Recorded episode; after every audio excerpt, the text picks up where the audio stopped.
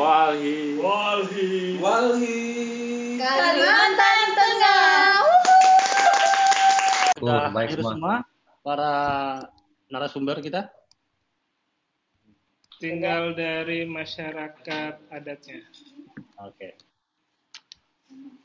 Ya, saya kira kita akan mulai diskusi kita, webinar kita, Bapak Ibu dan kawan-kawan sekalian.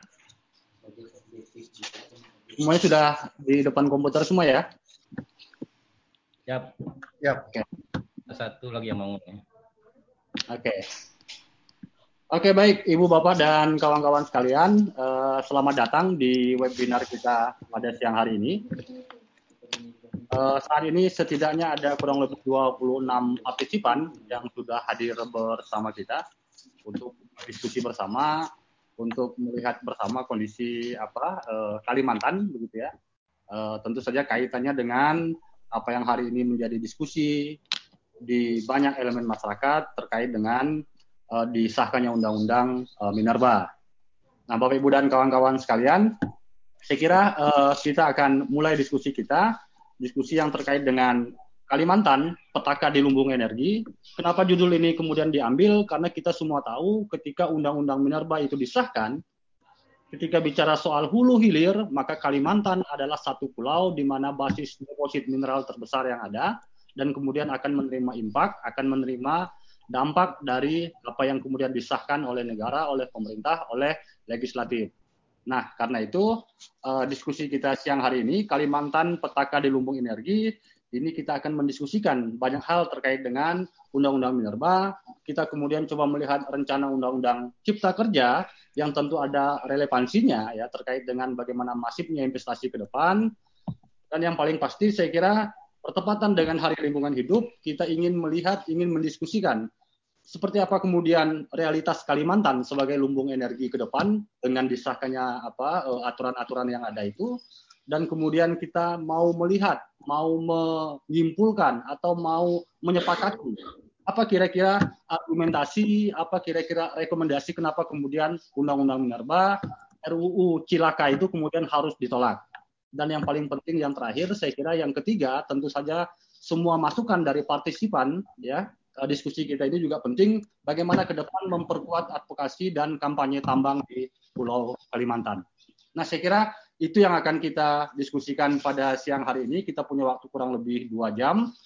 Dan eh, menemani kita berdiskusi, saya kira sudah ada kurang lebih delapan narasumber ya. Yang pertama tentu saja ada ada Mbak Yaya ya, eh, Nur Hidayati. Beliau adalah Direktur Eksekutif eh, Walhi Nasional. Selamat sore Mbak Yaya. Selamat sore semuanya. Ya, Mbak Yaya nanti akan kita minta untuk bicara soal potensi ancaman Undang-Undang Minerba ini. Tentu saja kaitannya dengan program strategis nasional. Kita tahu ini akan menjadi hal penting ke depan. Yang kedua tentu saja terkait dengan IKN ya, Kalimantan Timur akan menjadi ibu kota negara.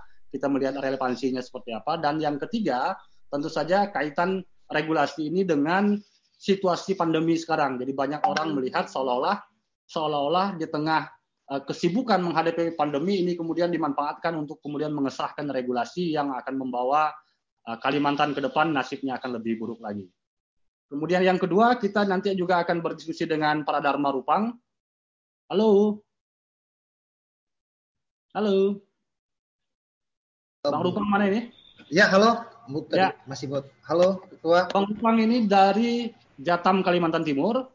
Nah, dengan beliau nanti kita akan berdiskusi dampak secara spesifik Minerba ini terhadap Kalimantan, Kalimantan secara region maupun kemudian kita tarik lebih spesifik dampak Undang-Undang Minerba ini untuk Kalimantan Timur itu seperti apa? Siap. Nah, yang yang berikutnya, yang ketiga saya kira kita akan ada dua testimoni dari masyarakat ya. Yang pertama ada Ibu Sania, beliau berasal dari Rimbawan Samarinda. Ibu Sania, halo, selamat sore. Ya, ya Ibu Sania sudah hadir bersama kita. Nanti akan apa, eh, akan bercerita ke kita semua kondisi kehidupan sebelum tambang masuk, kemudian setelah tambang masuk itu seperti apa. Dan berikutnya nanti akan ada Bapak Benedictus Benglui, Pak Ben ya. Pak Ben ini berasal dari Long Bentuk, Kutai Timur. Beliau juga akan bercerita kepada kita, testimoni kepada kita terkait dengan dampak pertambangan bagi masyarakat adat di Kalimantan Timur. Uh, kayaknya Pak Beng belum bergabung ya sekarang ya. Oke. Okay. Dan bagian terakhir saya kira saya menyapa empat orang direktur eksekutif Walhi Kalimantan. Ada Cak Kis, Kisworo. Halo Cak. Halo, Assalamualaikum dan selamat siang semuanya. Selamat hari lingkungan hidup dan tetap kuatkan iman, kuatkan imun. Amin, amin. Yang kedua ada Ketua Dimas Kalimantan Tengah. Halo Ketua. Halo, Assalamualaikum warahmatullahi wabarakatuh. Apa kabar semua? Baik, yang ketiga ada Direktur Kalimantan Barat, ada Nikodemus Ale. Halo, Ketua Niko. Selamat siang semua. Dan yang terakhir saya kira ada Eksekutif Daerah Kalimantan Timur, ada Mbak Yohana Tiko. Halo, selamat siang. Siang. Oke, nah eh, teman-teman eksekutif daerah eh, Walhi Kalimantan nanti akan uh, share ke kita semua terkait bagaimana darurat ruang dan bencana ekologis di Pulau Kalimantan, baik itu di tengah, di timur, di selatan maupun di barat. Ibu Bapak dan kawan-kawan sekalian, saya kira untuk mempersingkat waktu kita akan mulai saja diskusi kita. Waktu dan kesempatan pertama saya berikan kepada Mbak Yaya kurang lebih 10 menit. Uh, silakan untuk uh, berbagi cerita, berbagi penjelasan terkait dengan potensi ancaman Undang-Undang Minerba ini kepada kita semua. Waktu dan tempat dipersilakan. Ya, eh, terima kasih teman-teman semuanya. Terima kasih pada Ketua Anton, moderator kita pada siang sampai sore hari nanti. Eh, selamat sore teman-teman semuanya, peserta yang sudah hadir. Um, ya, kalau kita bicara uh, undang-undang minerba yang baru saja disahkan dari kacamata uh, apa namanya keberlangsungan lingkungan hidup dan sumber-sumber kehidupan rakyat, ada dua hal ya yang saya pikir menjadi uh, yang sangat uh, berdampak sangat luas dan penting uh, dikaitkan dengan Undang-Undang Minerba ini. Yaitu yang pertama bahwa di Undang-Undang Minerba ini dibolehkan untuk pada dasarnya menambang di mana pun di seluruh wilayah di Indonesia. Jadi tidak hanya terbatas di wilayah laut, di daratan, tetapi juga di, di laut, di pesisir, di sungai, di mana pun uh, pada dasarnya di seluruh Indonesia ini bisa ditambang. Nah, tentu kalau kita kaitkan ini dengan uh, kondisi apa daya dukung, daya tampung lingkungan hidup yang ada saat ini dan juga dikaitkan dengan bencana ekologis yang sudah menimpa negara kita, tentu saja ini akan membawa dampak yang sangat besar, dampak negatif yang sangat besar kepada uh, lingkungan hidup dan juga keberlangsungan kehidupan masyarakat itu sendiri. Karena uh, lewat undang-undang ini uh, pada dasarnya apa pun yang berada di atas deposit tambang itu bisa disingkirkan untuk uh, apa namanya memuluskan uh, proses ekstraksi mineral dan batu bara uh, yang ada di Indonesia. Padahal kita tahu setiap tahun bangsa bangsa Indonesia ini harus uh, mengalami berbagai bencana ekologis. Data dari BNPB misalnya set, setiap tahun itu jutaan orang Indonesia, warga negara Indonesia dia harus mengungsi, harus terpaksa pindah dari tempat tinggal semula, harus meras harus merasakan ketidakamanan e, berada atau hidup di wilayah Indonesia. Karena berbagai e, dampak e, bencana ekologis seperti banjir, longsor, lalu juga apa namanya kebakaran hutan dan lahan dan lain-lainnya yang ini setiap tahun e, menelan korban jiwa dan juga menyebabkan jutaan orang mengungsi. Jadi keselamatan rakyat itu menjadi hal yang akan menjadi tanda tanya besar ke depannya jika uh, undang-undang minerba ini uh, akan full dilaksanakan. Nah, kita melihat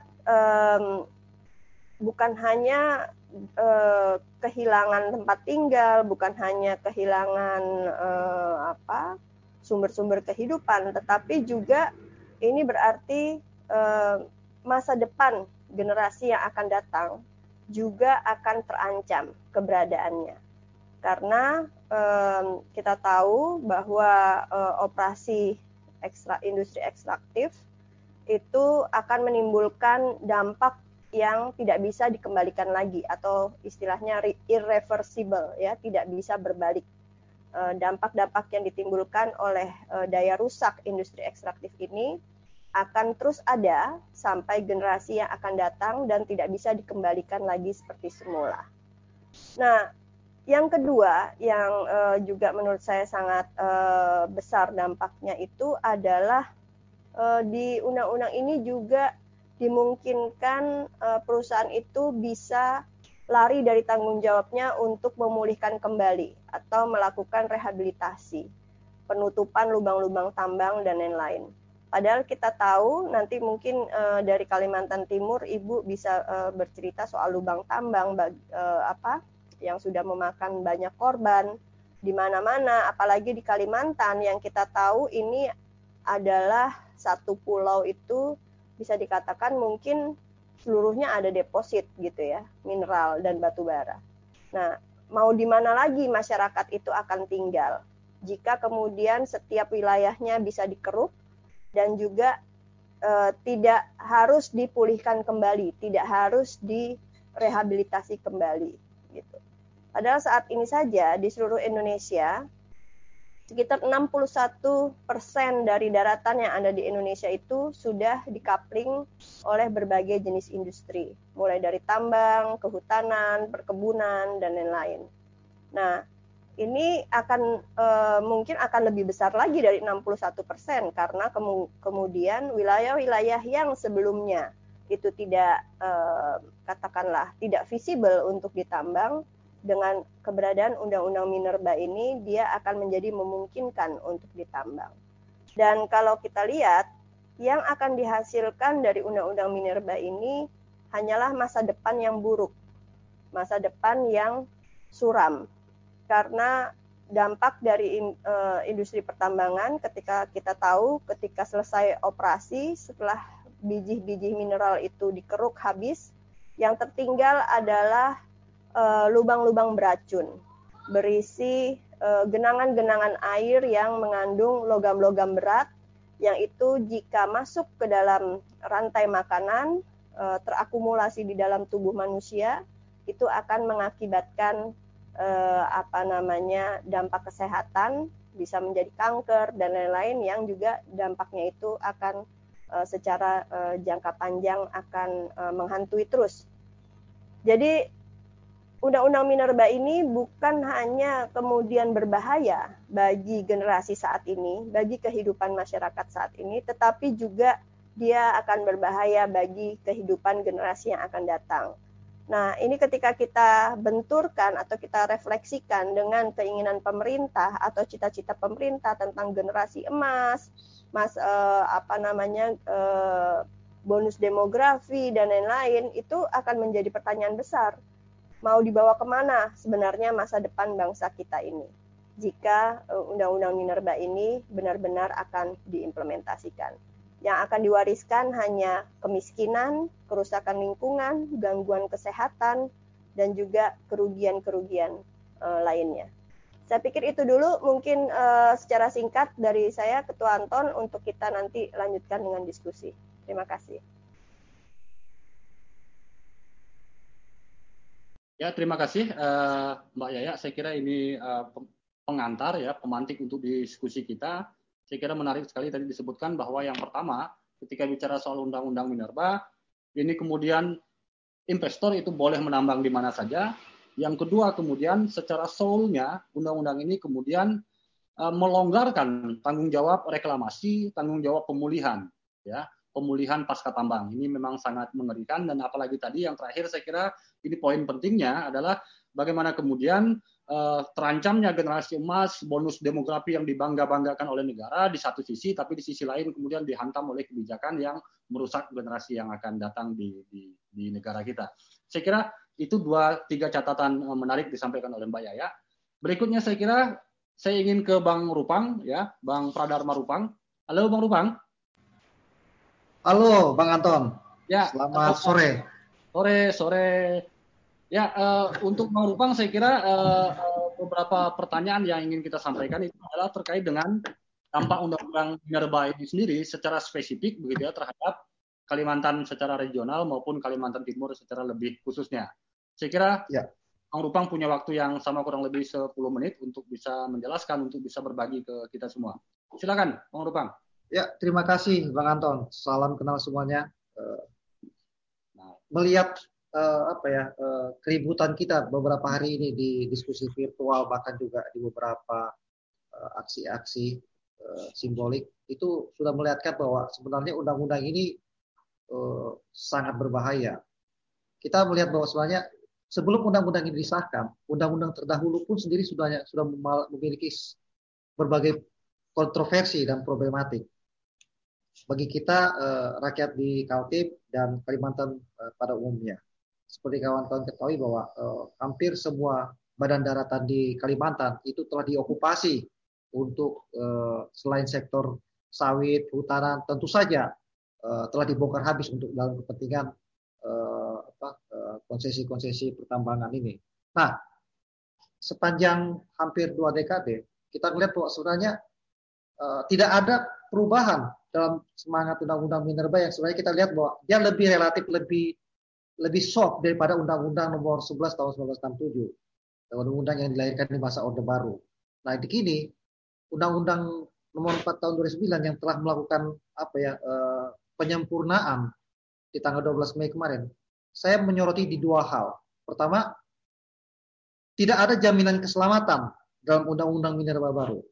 Ya kita sebenarnya sudah temui di undang-undang lama, ini tidak ada lagi jaminan keselamatan bagi rakyat Kalimantan secara khususnya. Dia tidak memberikan ruang bagi rakyat untuk mengatakan tidak. Atau kita mengenal bahwa hak veto rakyat diakui. Sementara di sisi lain, negara itu memproteksi dirinya dengan memveto sejumlah perda. Ada 3.000 perda di tahun 2016 diveto oleh uh, Kementerian Dalam Negeri. Salah satunya ada undang-undang, ada perda di Kaltim sendiri terkait mengenai uh, pelindungan lahan pangan berkelanjutan. Itu salah satu undang-undang yang sangat perda yang sangat vital. Nah, tapi ketika rakyat memveto keberadaan apa ancaman tambang yang akan masuk ke sebuah kampung, itu tidak diakomodir dalam undang-undang ini. Itu yang menjadi satu uh, salah satu apa ya uh, ancaman. Di sisi lain adalah uh, dengan mudahnya korporasi itu akan meninggalkan apa lubang-lubang bekas tambang dengan dalih atas nama pariwisata, atas nama irigasi, dan atas nama untuk uh, kepentingan publik yang lebih luas, seperti halnya dalam kepentingan uh, fasilitas MCK itu seperti yang kami temui di beberapa eh, konsesi-konsesi PKP 2B di wilayah Kaltim. Hal yang terakhir adalah bagaimana bagaimana uh, berbahayanya undang-undang ini jika ada protes-protes rakyat, jika ada penentangan rakyat, bahkan rakyat mempertahankan tanahnya, akan ada pasal uh, 162 yang sudah dihadapkan kriminalisasi dengan denda ratusan juta, 100 juta, dan pidana maksimal satu tahun. Artinya pembungkaman itu diikuti dalam rangka untuk memaksimalkan uh, apa ya uh, kepentingan para bandar batubara. Jadi keselamatan rakyat tidak ada dijamin oleh penyelenggara negara dalam rohnya yang saat ini di uh, apa dilegalkan dalam undang-undang minerba. Hal yang kedua, yang tidak kalah e, berbahaya dari undang ini adalah kewenangan negara dilucutin. Jadi peran-peran negara yang seharusnya bisa memaksimalkan dalam hal misalnya dalam hal memaksimalkan pengawasan tidak ada yang terjadinya korupsi, tidak ada terjadinya suap dan gratifikasi, penyelewengan-penyelewengan fungsi penyelenggara negara itu dipastikan terjadi, itu dilucuti, dihilangkan. Di depan mata mereka dengan disadari agar terjadi proses konspirasi Walaupun ada kesalahan, mutlak itu akan disalahkan kepada administrasi yang diajukan oleh korporasi tambang, bukan oleh penyelenggara negara. Artinya, penyelenggara negara dengan bebas membuat kesalahan-kesalahan administrasi perizinan yang kita tahu bahwa perizinan ini menyangkut hajat hidup orang banyak. Kita ketahui ya, di masa lalu hingga ini, bagaimana konflik perizinan itu sangat tinggi. kalau di CKS sendiri Kaltim terakhir itu adalah adanya suap dan gratifikasi yang melibatkan kepala kepala daerah seperti yang yang termutakhir KPK menahan dan menangkap uh, Bupati uh, Kutai Kartanegara uh, Rita Widyasari di mana kerugian negara itu hampir mencapai setengah triliun. Dan hingga hari ini KPK masih melacak aset-aset aset-aset dari mantan bupati terkaya di Kaltim ini. Karena tadi ke, kerugian yang diderita negara belum tertutupi oleh sejumlah aset mereka yang sengaja dia hilangkan atau dia dia samarkan. Nah, apalagi lain, lainnya yang yang saat ini belum terjawab oleh undang-undang tersebut. Pertama, renegosiasi kontraknya. Di renegosiasi kontrak kemarin saat KPK melakukan uh, apa ya uh, teguran kepada Presiden Jokowi terkait mengenai perpanjangan kontrak terhadap Tanito Harum, yang terjadi adalah tidak ada itikat dari Undang-Undang Minerba ini untuk mengevaluasi undang-undang sebelumnya. Artinya, eh, kita eh, pemerintah belum melakukan eh, sebuah sebuah terobosan untuk menjawab sejumlah persoalan-persoalan dalam kepentingan untuk memaksimalkan peran negara, peran daerah, bahkan juga peran keuangan pajak dan segalanya. Dia tidak menjawab mengenai misalnya kepatuhan pembayaran pajak tapi di, di undang-undang baru itu bahkan apa ya eh, diberikan diskon, diberikan keistimewaan. Hal yang adalah bagaimana kelanjutan ekonomi daerah tambang. Itu juga eh, tidak dijawab setelah tambang ini tutup apa eh, arah berikutnya. Hal lainnya yang paling paling eh, besar sekali adalah persoalan mengenai perizinan yang di masa lalu kita masih bertarung dan berkutat soal mengenai clean and clear.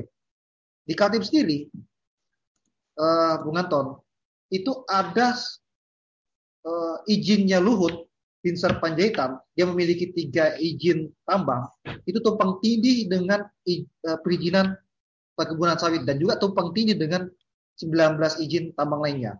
Namun oleh penyelenggara negara ini dianggap sesuatu yang normal.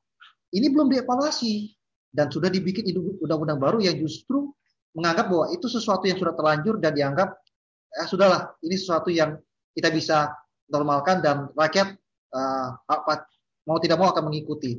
Jadi di sisi ini adalah ada dua hal yang belum bisa dijawab di undang-undang lama, kini dibebankan kepada rakyat. Beban kebijakan baru ini yang kita lihat sangat eksploitatif terus uh, tidak memberikan perlindungan terhadap masyarakat darat ini bahkan juga masyarakat di lingkar tambang. Yang terbaru yang yang yang terparah lagi dia akan memusnahkan satu generasi atau bahkan dua generasi. Ada generasi petani itu yang akan terjerambut dari akarnya akibat dari model undang-undang ini yang sangat eksploitatif. Kesimpulan saya dalam uh, pandangan apa pengantar saya bahwa uh, Undang-Undang Minerba ini adalah skenario pengembalian eh, rejim kontrak. Dia meninggalkan rejim izin dan melucuti kontrol negara. Undang-undang ini over produk over protektif para tambang dan korporasinya. Itu mungkin pemantik dari saya, uh, Bang Anton. Terima kasih.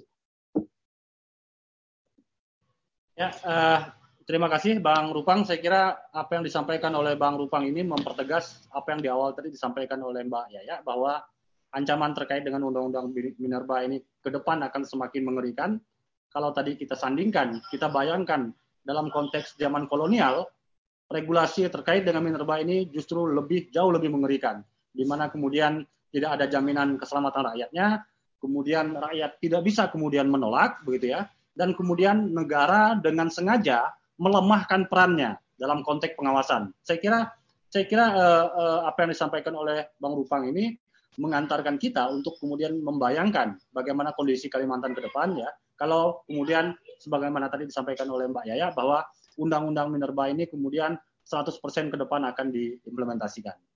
Nah, saya kira sebelum kita kemudian jauh melihat membayangkan apa hal-hal yang mengerikan ke depan, kita mau melihat konteks hari ini ya konteks hari ini kita tahu Kalimantan sudah penuh dengan konsesi tambang dan di Kalimantan Timur, di Kalimantan Selatan, di Kalimantan Tengah maupun di Kalimantan Barat kita mau mendengar dulu dari apa dari masyarakat ya dari apa komunitas-komunitas kita yang ada di lapangan gitu ya terkait dengan dampak terkait dengan kondisi saat ini. Seperti apa sih ketika tambang itu masuk ke wilayah mereka kemudian apa yang mereka dapatkan dan kemudian seperti apa perubahan mulai dari konteks lingkungannya kesejahteraan segala macam nah dari dari awal tadi bersama kita Bapak Ibu dan uh, semua teman-teman yang hadir di webinar ini sudah hadir bersama kita Ibu Sania beliau ini adalah uh, salah satu Halo? Halo.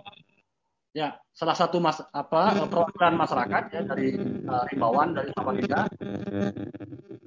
Ibu Sania bisa mendengarkan saya? Ya. Ya. Saya kira uh, sebelum nanti ke teman-teman di daerah di Kalimantan, kita mau ke Ibu Sania dulu.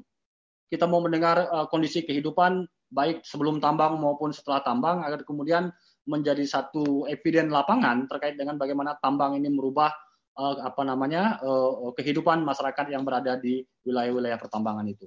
Nah untuk itu saya kira Ibu Saniah bisa cerita dengan kita santai saja apa uh, uh, apa yang dirasakan apa yang ada di di wilayah Ibu terkait dengan masuknya pertambangan ini. Silakan Ibu Saniah, waktu dan dipersilakan.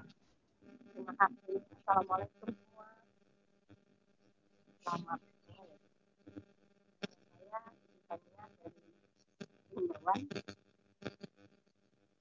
dari Rimbawan.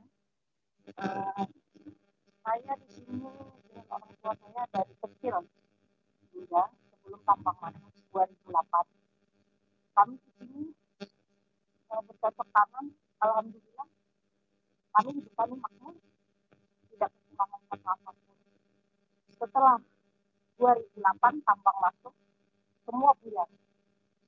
Semua tanam-tanaman entah itu kebun kebun padi seperti buah-buahan semua mati. Uh, mohon maaf Ibu Sania, suaranya ya. Ya, suaranya kurang begitu jelas. Kalau bisa lebih dekat ke mikrofon. Oh, okay. Ah. Ya. Ya, mohon maaf. Silakan, silakan. Ya. Jadi sejak 2008 tambang masuk ke dalam uh, areal kami, mereka mereka memusnahkan semua, memusnahkan semua apa yang sudah kami perjuangkan. Kami kehilangan mata pencarian, kami kehilangan air bersih, semuanya, semuanya hilang. Banyak terbawa air. Jadi setelah kami tambang itu masuk, kita coba usaha yang lain. Kita coba usaha yang lain seperti membuat kolam. Kita cari kehidupan yang baru. Ternyata tidak ada arti apa-apa juga. Tetap tetap seperti itu. Karena hujan sedikit selalu banjir, hujan sedikit selalu banjir. Jadi di tempat kami sudah tidak bisa difungsikan apa-apa lagi. Sekarang kolam pun sudah sudah tidak berfungsi di tempat saya. Sedangkan kami suami saya kerjanya di kebun, bukan di tambang. Kalau yang bagi orang tambang oke okay lah terserah mereka. Tapi kami penghasilan kami hanya dari perkebunan. Setelah tambang masuk, mereka tidak pernah ada konsultasi dengan masyarakat, tidak ada. Mereka semau-maunya saja di situ. Sekarang kita mau nuntut ke tambang. Apa yang mau dituntut ke tambang? Setiap kita naik ke tambang, mereka pergi. Kita tidak dihiraukan. Akhirnya kita menuntut ke siapa? Ke pemerintah. Kenapa kita menuntut ke pemerintah? Karena pemerintah yang memberikan izin kepada mereka itulah mereka jadi sewena-wena maunya seperti lubang tidak ditutup. Mereka meninggalkan bekas-bekas itu penuh dengan lubang-lubang. Makanya sampai sekarang tetap di mana-mana banjir. Jadi kami sekepung banjir tidak bisa ke mana-mana. Pemerintah pandai mereka tinggikan jalan paret dibesarkan. Tapi percuma kalau tambang masih diteruskan Yang kami mau, bagaimana caranya tambang dengan masyarakat bisa berkoordinasi lah di sini. Bagaimana caranya? Tapi kalau sudah seperti ini, apalagi terdengar dari undang-undang tadi, itu Kalimantan tambah hancur. Pemerintah sepertinya tutup mata, tutup telinga. Mereka tahu lubang-lubang tambang yang tidak ditutup itu tidak mungkin dia mereka tidak melihat. Pasti mereka melihat. Tapi mereka pasti tutup mata, tutup telinga. Belum lagi yang masyarakat-masyarakat yang rumahnya kebanjiran. Belum lagi yang anak-anaknya yang masuk ke dalam lubang tambang. Yang menderita siapa? Bukan mereka, tapi kami sebagai masyarakat yang menderita. Tapi mereka tidak mau tahu di situ. Apalagi ada undang-undang baru yang semaunya, yang dulu aja tidak beres, apalagi yang sekarang. Kalau kayak gitu dibombardir ya Kalimantan Timur kalian. Saya rasa mungkin begitu aja. Ya, uh, Ibu. Ya dari kondisi itu kira-kira apa sebenarnya yang ibu harapkan perubahan perbaikan ke depan? Saya mau kalau harapan saya sih bagaimana caranya tambang. Mm-hmm. Jangan semaunya mengeruk, habis mengeruk mereka tinggal. Itu banyak nyawa-nyawa itu yang ditunggu di situ. Anak-anak yang tidak tahu apa-apa itu jadi korban di situ, Pak tapi mereka kan tidak tidak pedulikan itu makanya sekarang lubang-lubang itu di mana-mana pasti ada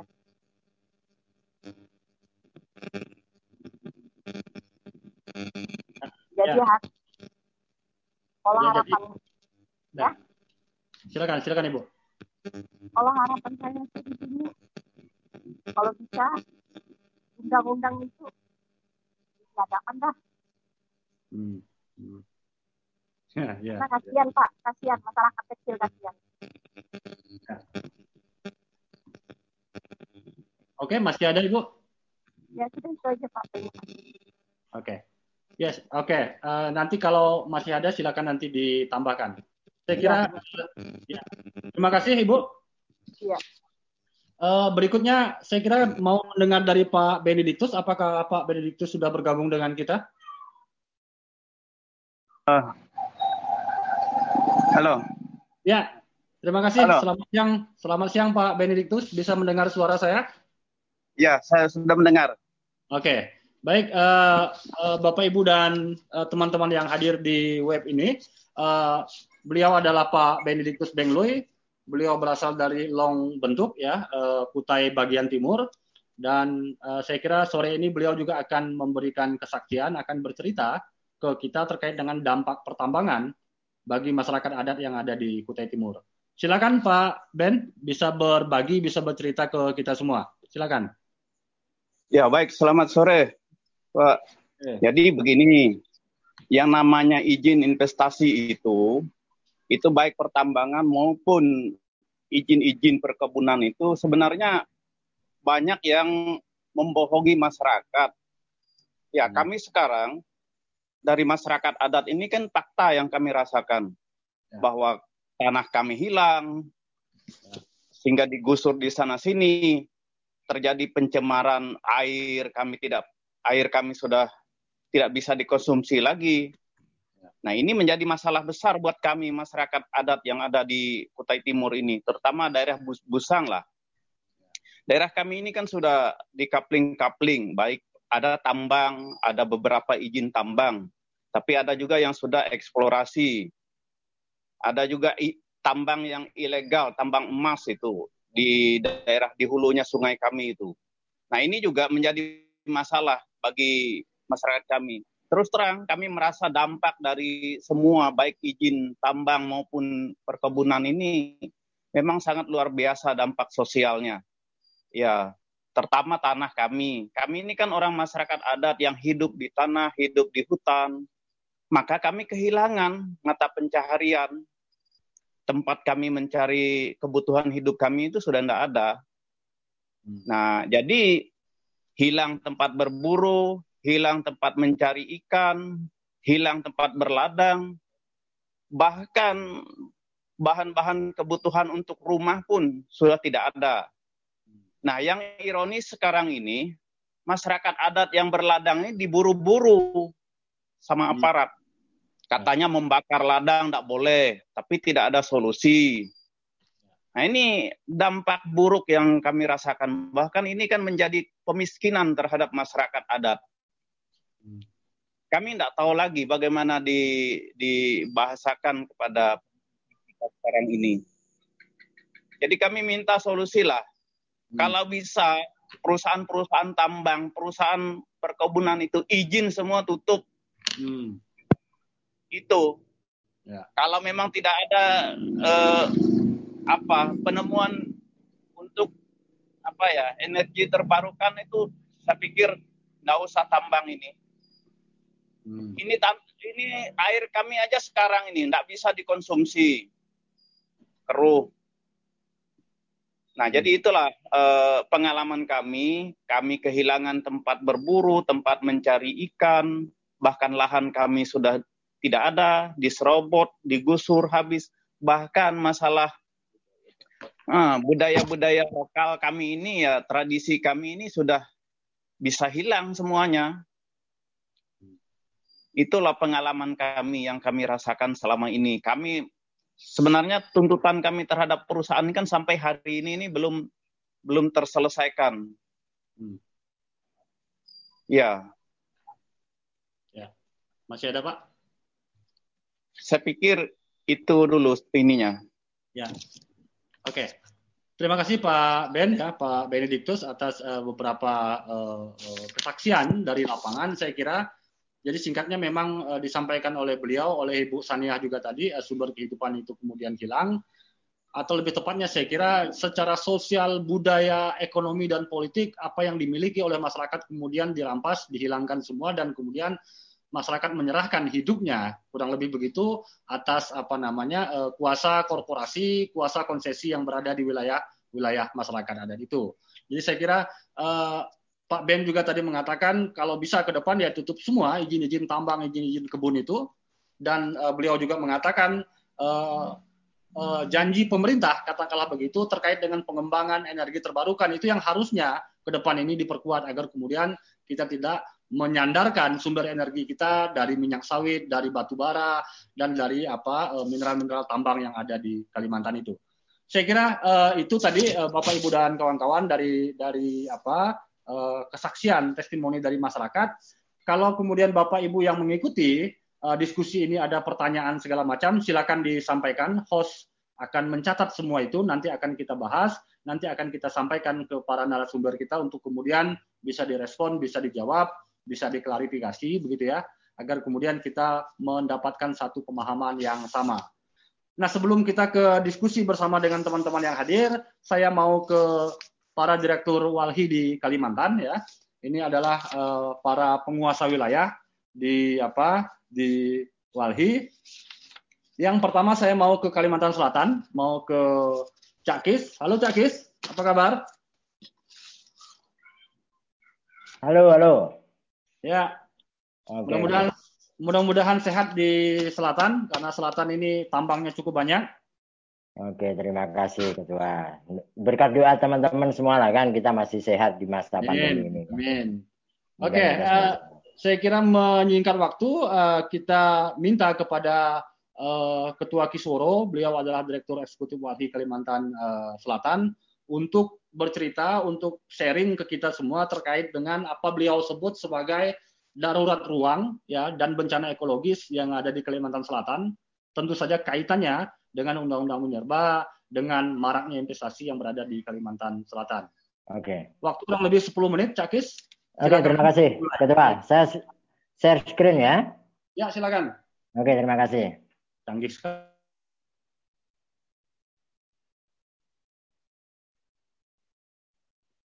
Oke, terima kasih Ketua Anton dan teman-teman semua yang bisa berhadir hari ini ya kan. Dan terima kasih semuanya teman-teman yang baik di Zoom maupun yang bisa gabung di live kita di Facebook maupun di YouTube. masing-masing kami di daerah di Walhi di empat eksekutif daerah Walhi di Kalimantan.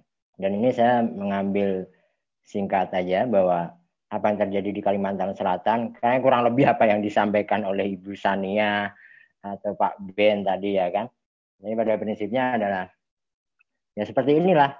Bahkan kalau teman-teman melihat di YouTube atau di internet atau Google Map, lubang-lubang tambang masih kelihatan. Mungkin itu. Jadi oke okay, baik.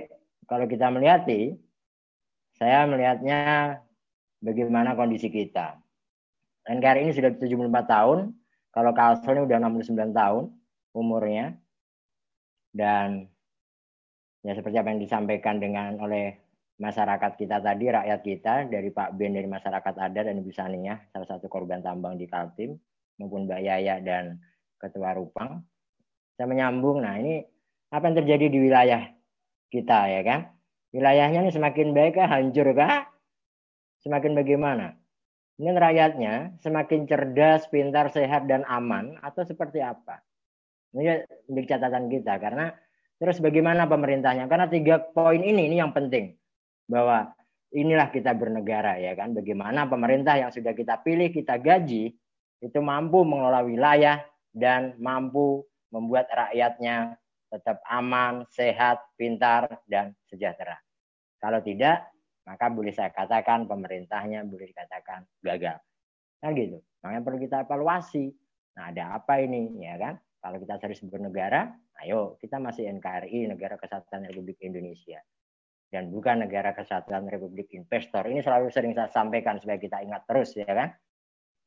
Nah, bagaimana Kalimantan Selatan? Kalimantan Selatan ini totalnya 3,7 juta hektar paling kecil lah kita di provinsi di Kalimantan ya kan walaupun sebenarnya paling tua kayak kalau provinsi di Kalimantan ini paling tua Kalsel tapi luasnya paling kecil. Bagaimana kondisi hutannya? Ya kan hutan sekunder, hutan primer. Nah rata-rata yang hijau ini kalau kita isi ya kan ini meratus. Rata-rata pegunungan meratus. Atapnya Kalimantan Selatan. Kenapa kok kita penting kami di Kalsel dan kita perlu dukungan para pihak untuk gerakan tagar Sep Meratus untuk menyelamatkan Meratus. Karena ini atapnya Kalimantan Selatan.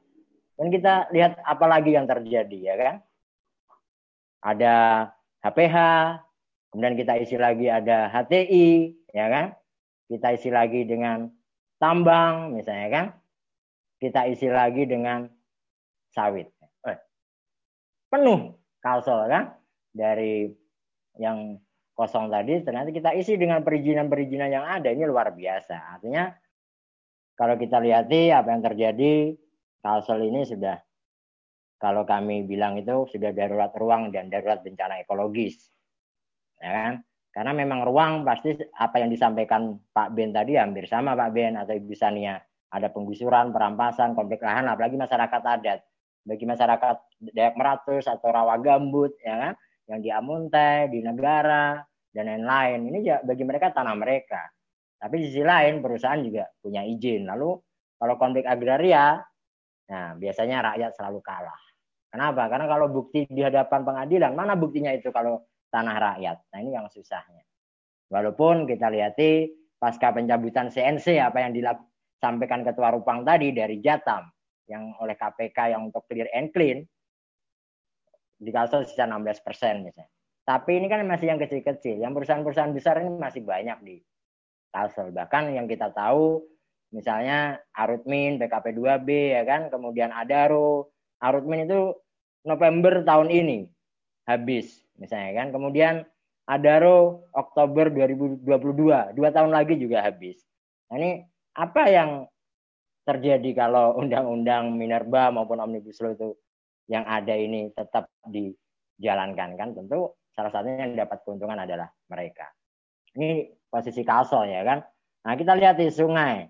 Sungai kita di Kalsel, ya kan Kalsel ini kan atau Banjarmasin terkenal dengan kota seribu sungai. Nah apa yang terjadi kalau yang ini kita lihat ya masih jernih lah di Meratus ya kan. Tapi kalau di Sungai Barito, nah ini jembatan Barito ya lumayan keruh. Kemudian belum lagi yang limbah-limbah yang selama ini kata Pak Ben maupun bisa Sania tadi akhirnya krisis air bersih dan lain-lain. Ini yang menurut saya penting. Nah, kemudian bagaimana kondisi sungai kalau kita overlay dengan izin-izin tambang? Nah, ini sungai kita di Kalsel itu udah udah 8.100 km itu udah ada izin tambang di atasnya. Kemudian bagaimana dengan lubangnya? Nah, ternyata 335 km sudah menjadi lubang tambang. Nah, ini di Kalsel baru ya kan. Maka sering saya tanyakan juga kan semangat kita. Seribu sungai atau seribu lubang tambang Kalsel ini. Karena kata kawan-kawan tadi atau bapak atau ibu tadi bahwa lubang tambang memang sampai sekarang juga belum ditutup misalnya kan. Nah ini yang sangat menyedihkan. Belum lagi yang kalau kita lihat di pencemaran sungai ya kan, belum lagi ini yang jebol kan. Ini jebol. Lubang tambang dengan sungai ini seratusan meter, gimana nggak jebol misalnya kan?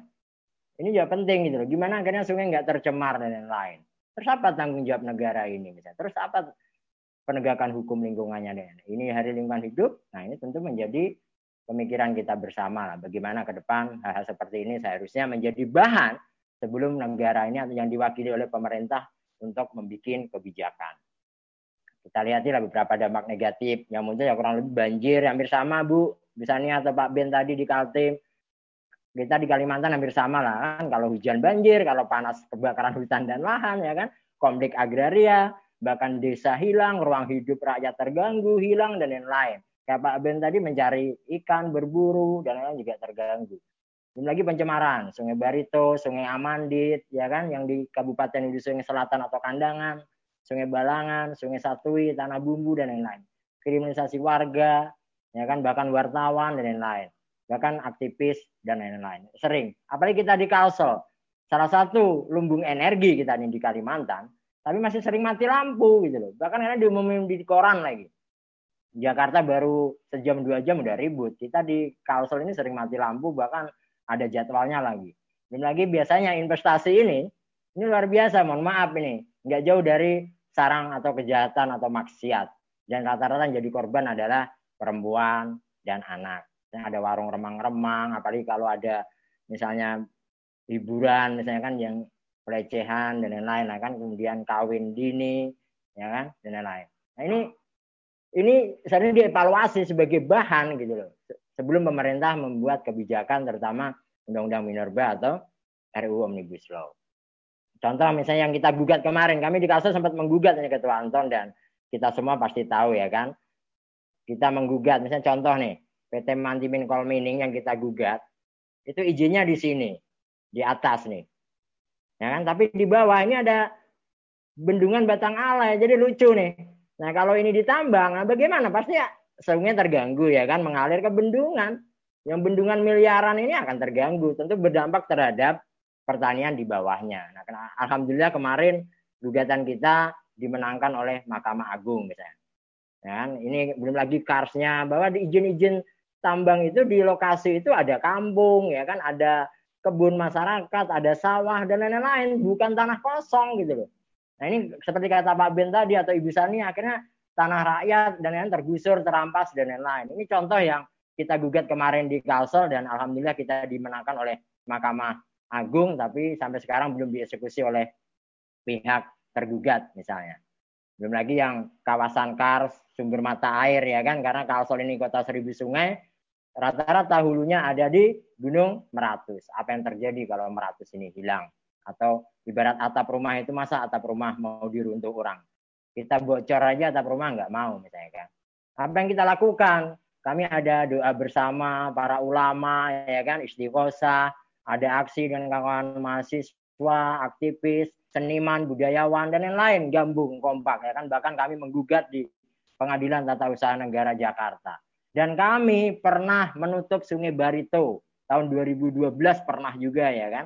Apa yang terjadi artinya karena apa ini kita lakukan karena sumber daya alam materialnya itu ada di daerah salah satunya ada di Kalsel atau Kalimantan secara umum. Rata-rata tambang itu ada di daerah. Nah, ini penting menjadi perhatian pemerintah atau kita semua. Kenapa seharusnya dalam pembuatan kebijakan itu juga memperhatikan daerah. Padahal kalau kita lihat di Kalsel potensinya juga luar biasa. Ya kan kearifan lokal ada kerbau rawa, ya kan ada pangan, semangka, kacang negara, gumbili negara. belum lagi ikannya, ikan haruan, papuyu dan lain-lain. Ini belum dimaksimalkan produk turunan apa produk turunannya gitu loh. Menjadi kerupuk, keripik, rasa haruan, haruan manis, pedas, asin, itu banyak belum gitu loh. Kenapa selalu didatangkan investasi yang selama ini masyarakat tidak paham dan selama ini investasi yang rakus akan mahal dan selama ini tidak jauh dari penggusuran dan lain-lain.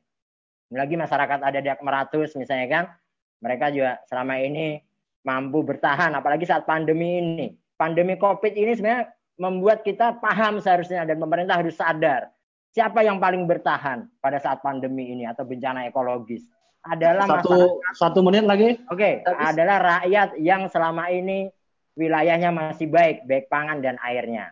Nah, kalau kita lihati kenapa yang terjadi ini karena selama ini dalam membuat kebijakan yang kita tahu saya menyambung apa yang apa yang disampaikan Mbak Yaya dan Ketua Rupang, tahapannya tertutup, bahkan DPD Dewan Perwakilan Daerah tidak dilibatkan. Ya kan bahkan di RUU Omnibus Law itu akan 0% saham. Ya kan? Kemudian banyak ditolak, ya kan dan lain-lain. Kemudian kalau kita lihat di pasal-pasalnya Ketua Anton, ini ngeri lagi, ada wilayah hukum pertambangan, maka semuanya akan dikuasai oleh tambang. Belum lagi ada kalimat akan dijamin memperoleh perpanjangan. Ini kan ngeri. Evaluasi aja belum, kok langsung diperpanjang. Belum lagi pasal 162 ini, kan ngeri ini. Pasal 162, setiap orang yang merintangi atau mengganggu kegiatan usaha pertambangannya akan dipidana. Tapi pasal 165 dihapus Ketua Anton. Ini yang ngeri. 165 ini nih yang rawan karena pengambil kebijakan pemerintah itu lepas nggak bisa dihukum karena nggak ada pasalnya ini dihapus ya kan? Ini yang rawan KKN dan ini yang rawan itu. Itu kenapa kok kami di Kasel mau tidak mau harus kita tolak dan cabut Undang-Undang Minerba, batalkan RUU Omnibus Law, stop izin baru, evaluasi perizinan ya kan, kembalikan ke rakyat, akui wilayah rakyat, pengembangan ekonomi yang sesuai potensi lokal, bentuk satgas kejahatan tambang itu penting atau satgas kejahatan lingkungan apalagi sekarang memanage lingkungan hidup, kemudian penegakan hukum lingkungan dan bentuk pengadilan lingkungan dan buktikan bahwa kita serius bernegara untuk mewujudkan wilayah atau lingkungan yang baik, rakyatnya sejahtera, sehat, cerdas, dan aman. Karena ini mendekati pilkada terakhir, maka pilihlah pemimpin yang memang berpihak terhadap keselamatan rakyat dan lingkungan. Terima kasih ya. Dan kawan-kawan semua. Tetap semangat, selamat dari lingkungan hidup. Mari kita tetap gelurakan, jangan takut dan malu berbuat baik karena kita masih NKRI. Ini bentuk kepedulian kita terhadap NKRI. Kita cinta negara kesatuan Republik Indonesia bukan negara kesatuan Republik Investor. Terima kasih. Wassalamualaikum warahmatullahi wabarakatuh. Waalaikumsalam. Oke, terima kasih, Sakis. Uh, saya kira satu presentasi yang apa uh, padat sekali isinya. Yang berikutnya saya mau ke tengah Kalimantan ini, mau ke sentral Kalimantan. Halo Ketua Dimas. Halo, apa kabar Pak Anton? Ya, ya, saya kira uh, selatan gambarannya tadi sudah disampaikan.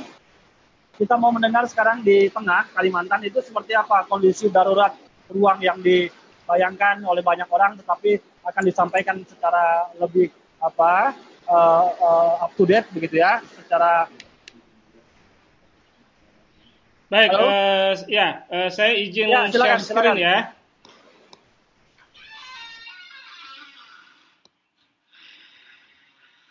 Bagaimana? Sudah terlihat? Ya, sudah. Oke. Baik, ini kondisi di Kalimantan Tengah saat ini, di mana Kalimantan Tengah yang luasnya mencapai 15,3 juta hektar, itu sudah penuh dengan investasi tentunya. Nah, untuk saat ini di kawasan hutan di Kalimantan Tengah eh, mencapai 12,2 juta hektar dan APL mencapai 2,9 juta hektar yang terdiri dari hutan primer sebanyak 1,2 juta hektar dan hutan sekunder sebanyak 6,6 juta hektar. Untuk izin di atas Kalimantan Tengah, saat ini total dari primer dan sekunder itu mencapai 7,8 juta hektar yang ada di Kalteng. Nah ini untuk HPH, HTI, dan restorasi ekologi yang sudah di Kalteng itu mencapai angka 5,4 juta hektar. Lalu kalau untuk sektor pertambangan itu mencapai 1,8 juta hektar. Ini terjadi penurunan pasca Korsup Minerba yang dilakukan KPK yang lalu dari sekitar 700-an atau sampai 800 eh, izin pertambangan berkurang menjadi 303 IUP. Sedangkan untuk perkebunan kelapa sawit itu mencapai 3,9 juta. Dan ini semua berkonflik dengan masyarakat, baik itu di sektor pertambangan, perkebunan, maupun di industri kehutanan. Walhi Kalteng mencatat untuk sektor eh, perkebunan kelapa sawit saja terdapat 344 kasus yang belum terselesaikan dari tahun 2005 hingga tahun 2019. Dan update terakhir hingga saat ini pun banyak kasus-kasus eh, kriminalisasi maupun agraria yang terjadi di Kalimantan Tengah belum terselesaikan dengan maksimal. Ada bahkan eh, saat ini banyak masyarakat atau komunitas yang berkonflik dengan eh, investasi pun eh, tidak pernah mendapatkan haknya ataupun tidak pernah terselesaikan. Nah ini persentase dari keseluruhan uh, wilayah Kalimantan Tengah dan kami mencat, melihat bahwa sebagian besar wilayah Kalimantan Tengah ini sudah diisi oleh investasi. Belum lagi terkait dengan kawasan hutan, di mana uh, banyak uh, menurut terminologi kehutanan yang mengatakan bahwa sekitar 300 desa itu masuk kawasan hutan. Meskipun saya tidak setuju dengan terminologi itu. Kenapa? Karena seharusnya kawasan hutan lah yang masuk di wilayah desa.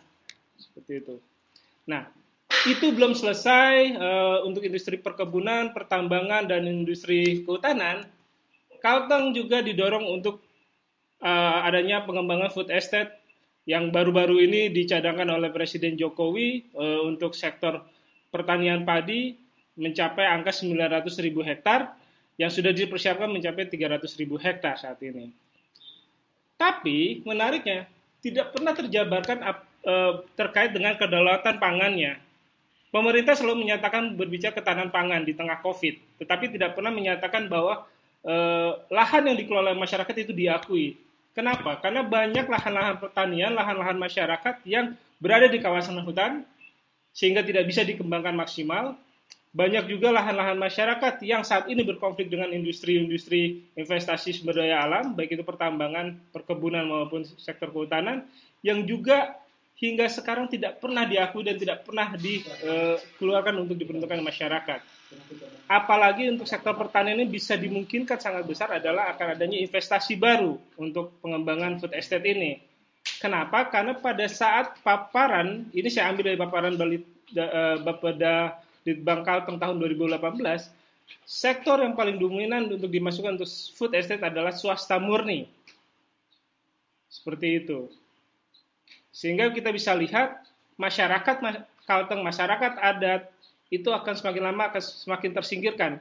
Konflik terus terjadi, begitu untuk sektor pertambangan, di mana terjadi tumpang tindih, bahkan ada satu perusahaan India yang menggugat Jokowi terkait tumpang tindih itu, dari satu konsesi tak ada tujuh konsesi di dalamnya untuk satu tempat. Dan ini e, denda terancam ancaman denda terhadap Indonesia mencapai 7,7 triliun. Terus untuk sektor perkebunan tercatat 344 konflik lahan. Dan kami pun melakukan upaya bersama masyarakat dalam hal mendorong penyelesaian konflik itu sendiri. Melakukan pelaporan pelaporan dari pusat ke daerah dengan respon yang seadanya dan tidak maksimal juga dilakukan oleh pemerintah. Dorongan Walhi Kalteng bersama masyarakat adalah bagaimana peran-peran komunitas, peran-peran para legal itu bisa didorong lebih kuat lagi pengakuan-pengakuan wilayah itu menjadi menjadi sangat penting saat ini. Dan kita berharap uh, pemerintah melakukan evaluasi semua izin yang ada di Kalimantan Tengah. Karena hingga saat ini terjadinya kerusakan Kalteng karena adanya izin-izin dengan borosnya pemberian izin yang dilakukan oleh pemerintah, baik itu pemerintah daerah maupun di pemerintah pusat. Mungkin itu dari kami. Wassalamualaikum warahmatullahi wabarakatuh. Oke, uh, baik. Ketua Dimas, terima kasih atas uh, penjelasannya terkait dengan kondisi darurat yang ada di Kalimantan Tengah. Belum semua yang terkait dengan investasi selesai, sekarang proyek-proyek pangan sekarang juga sudah mulai berkembang di Kalimantan Tengah. Saya kira ini menarik, nanti akan kita bahas ya setelah apa uh, proses ini. Yang ketiga ya, saya kira saya mau kembali ke Kalimantan Barat saya mau ke Ketua Niko ya terkait dengan uh, update ya situasi darurat ekologis yang ada di Kalimantan Barat itu kurang lebih seperti apa sih gambarannya agar kemudian kita bisa semua melihat dan mengetahuinya. Untuk waktu saya kira uh, kepada Ketua Niko dipersilakan.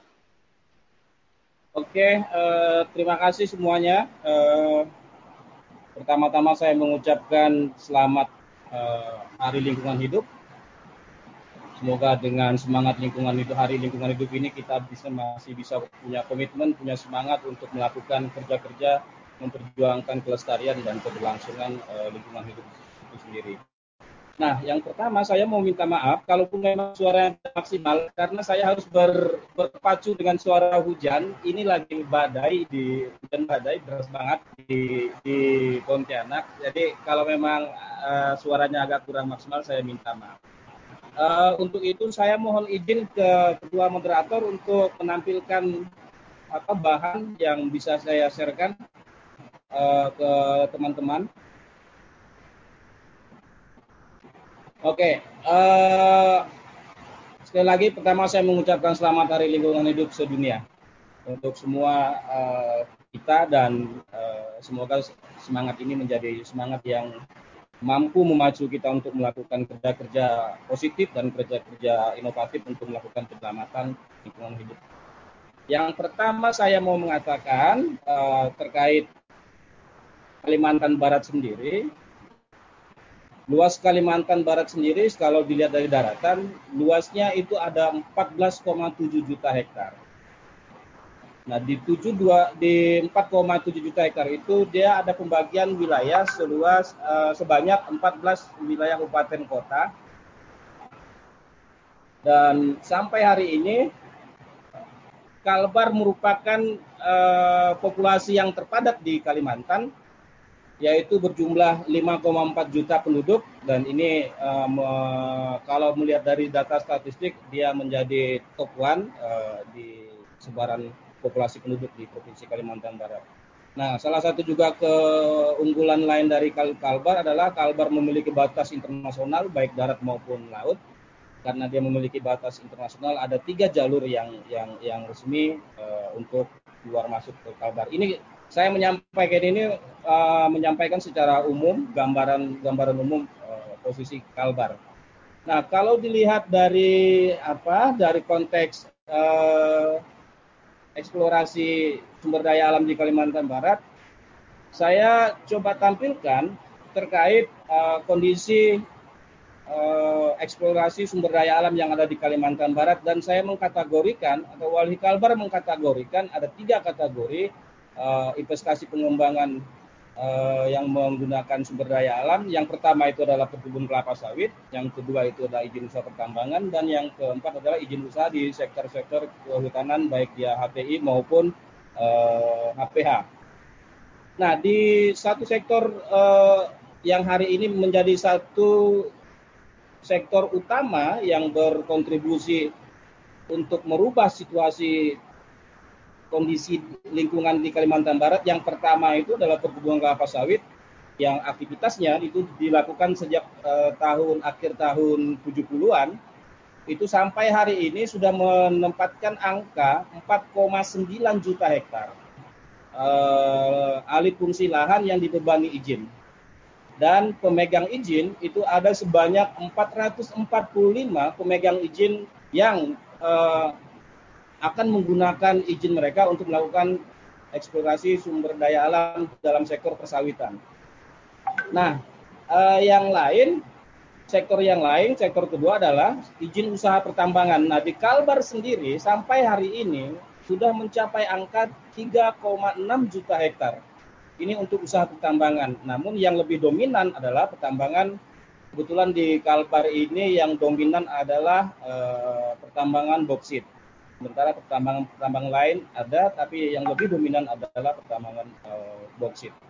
Nah, yang lain uh, item ketiga atau sektor ketiga yang sangat dominan untuk merubah sirkulasi atau kondisi apa namanya uh, lingkungan yang ada di Kalimantan Barat yaitu di sektor uh, izin usaha di sektor kehutanan baik itu HTI dan HPH. untuk HTI sendiri ini sudah mencapai angka 3,5 juta hektar.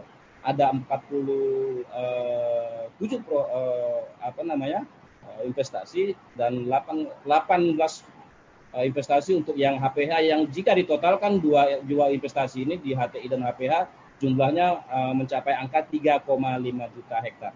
Nah, dari gambaran ini sangat jelas sekali kalau kita mau lihat bahwa gambaran ini memberitahukan Kalimantan Barat terkait uh, pembagian tata ruang, tata kuasa ini sudah tidak adil dalam konteks uh, keadilan ruang. Kenapa? Karena kalau di total dari tiga uh, jenis investasi yang ada yang yang ada sekarang di Kalbar itu totalnya itu sudah 12,6 juta hektar dari 14,7 yang sudah dialihfungsikan uh, untuk uh, investasi sudah mencapai angka 12,6 juta hektar. Artinya sisa 2,1 juta hektar ini untuk rakyat. Pertanyaannya benar itu untuk rakyat? Ternyata kalau kita kita telusuri lagi, belum lagi kita bicara soal uh, pembagian kawasan, misalnya kawasan hutan. Artinya yang jumlahnya sudah mencapai angka 3, 3 eh, jutaan hektar untuk yang konver, eh, kawasan konservasi, hutan lindung, hutan produksi. Nah ini eh, kalau dikonversi lagi dengan semua status kawasan, artinya masyarakat nol 0% untuk menguasai atau memiliki lahan yang ada di Kalimantan Barat. Ini kita sudah mengatakan bahwa darurat, situasi darurat eh, terkait ruang ini sudah sudah melampaui batas. Nah, menurut kita ini perlu satu langkah melakukan penata ulangan terkait uh, investasi yang ada di Kalimantan Barat untuk saat ini. Di tiga sektor saja sudah membuat situasi yang uh, masyarakat sudah uh, apa namanya sudah tidak memiliki hak atas uh, lahan mereka itu sendiri.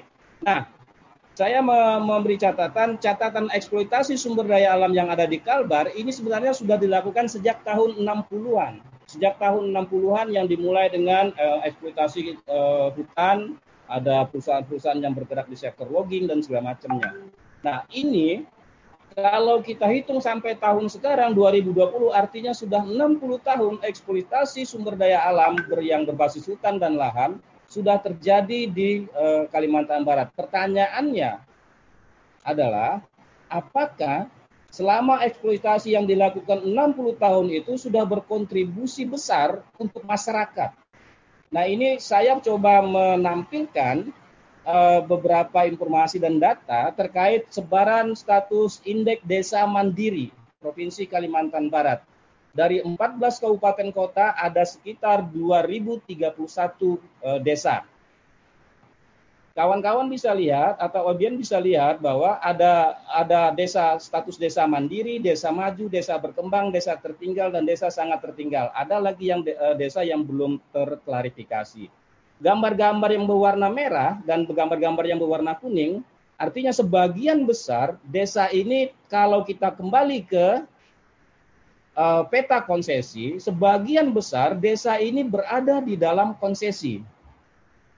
Nah, Sementara tujuan dari pembangunan yang berbasis hutan dan lahan tadi pada dasarnya katanya untuk mensejahterakan masyarakat yang berada di sekitar kawasan e, industri dan segala macamnya.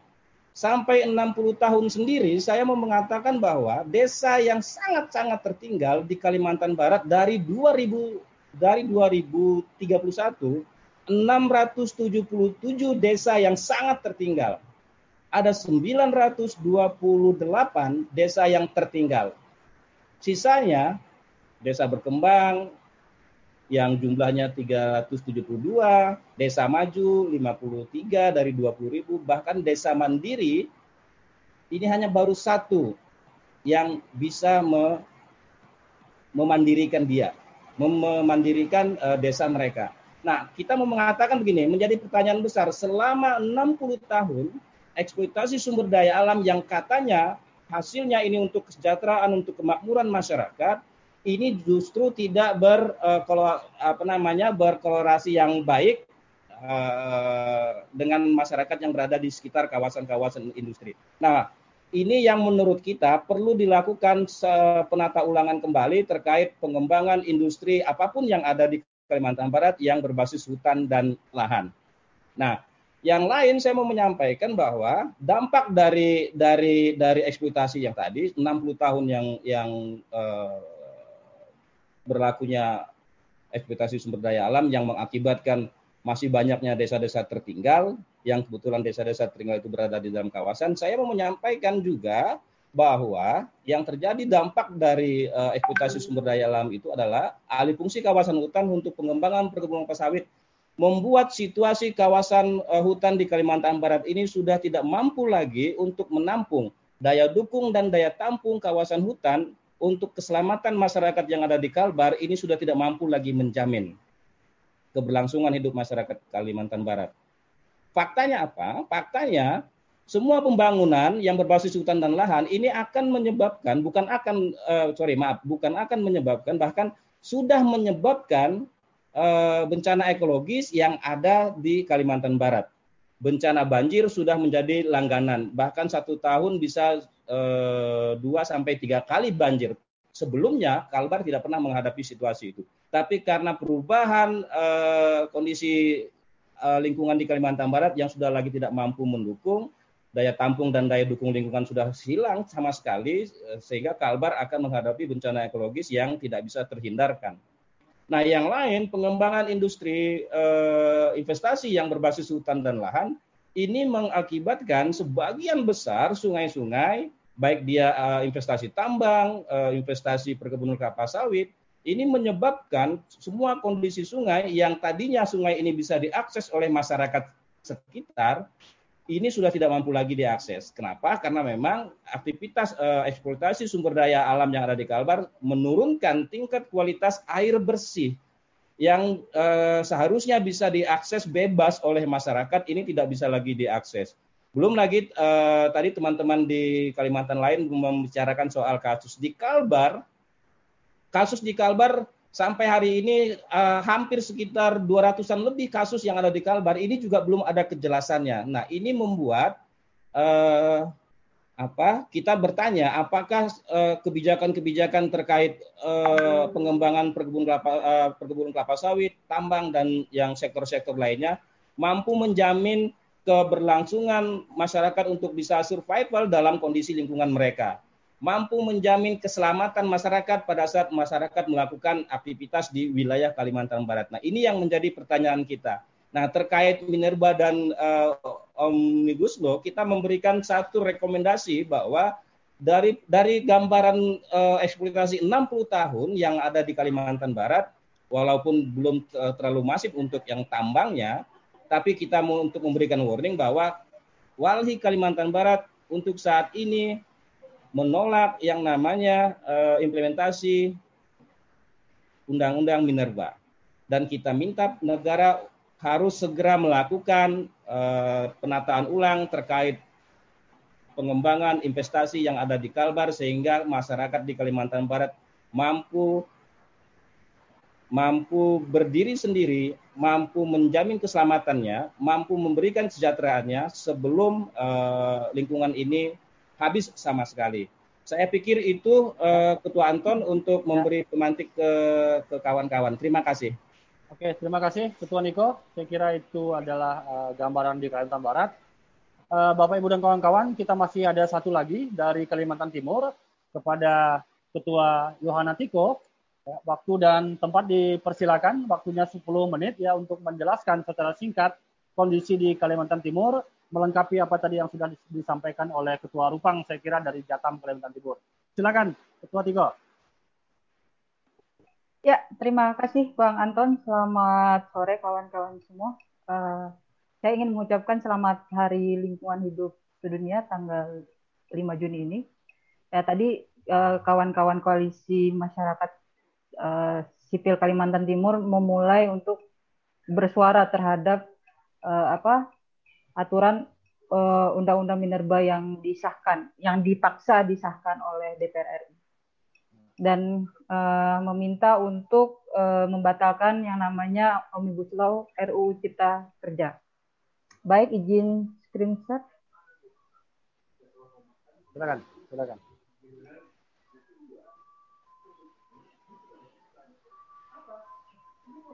Bentar.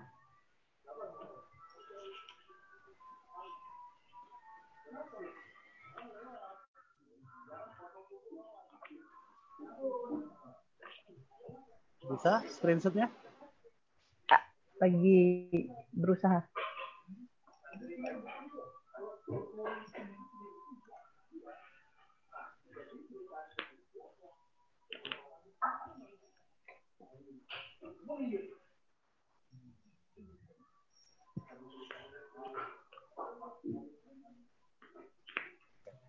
Oke, silakan. Ya, kalau saya ingin bilang bahwa Kalimantan Timur itu darurat ruang ekologis. Kenapa saya bilang begitu? Ya, kita coba lihat tidak mau kita coba lihat pelan-pelan agak itu dia agak delay dia pelan-pelan dari luas kawasan uh, daratan ya, daratan Kalimantan Timur sekitar 12,7 juta hektar, itu sudah dibebani izin HPH sebanyak 3,5 juta hektar. Kemudian ada HTI itu 1,6 juta hektar. Kemudian ada perkebunan itu 2 juta hektar. Dan tambang CNC dan maupun yang non CNC sekitar 4,9 juta. Nah, eh, selanjutnya ketika perizinan itu digabungkan, luas luas dar apa luas izin di di daratan Kalimantan Timur itu total perizinannya 8,6 juta hektar. Kemudian uh, dari 8,6 juta hektar ini ada 3,3 juta hektar itu perizinannya yang tumpang tindih, baik antar pertambangan dan perkebunan, baik perkebunan, HGU maupun izin lokasi eh, apa HTI dan HPA. Kemudian eh, perizinan yang clean atau tidak tumpang tindih dengan perizinan lain itu sebanyak 5,2 juta hektar. Dan kawasan yang tidak dibebani izin atau eh, lahan yang tidak ada belum ada hak gitu itu 4,2 juta hektar.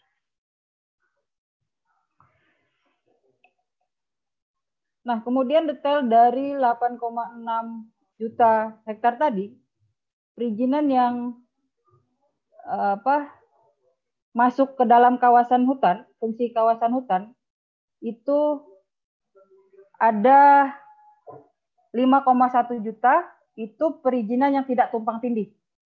Ya, perizinan tidak tumpang tindih antara perizinan uh, lain gitu. Nah, sebanyak 3,4 juta itu tumpang tindih perizinannya. Kemudian inilah grand total uh, grand total perizinan di Kalimantan Timur.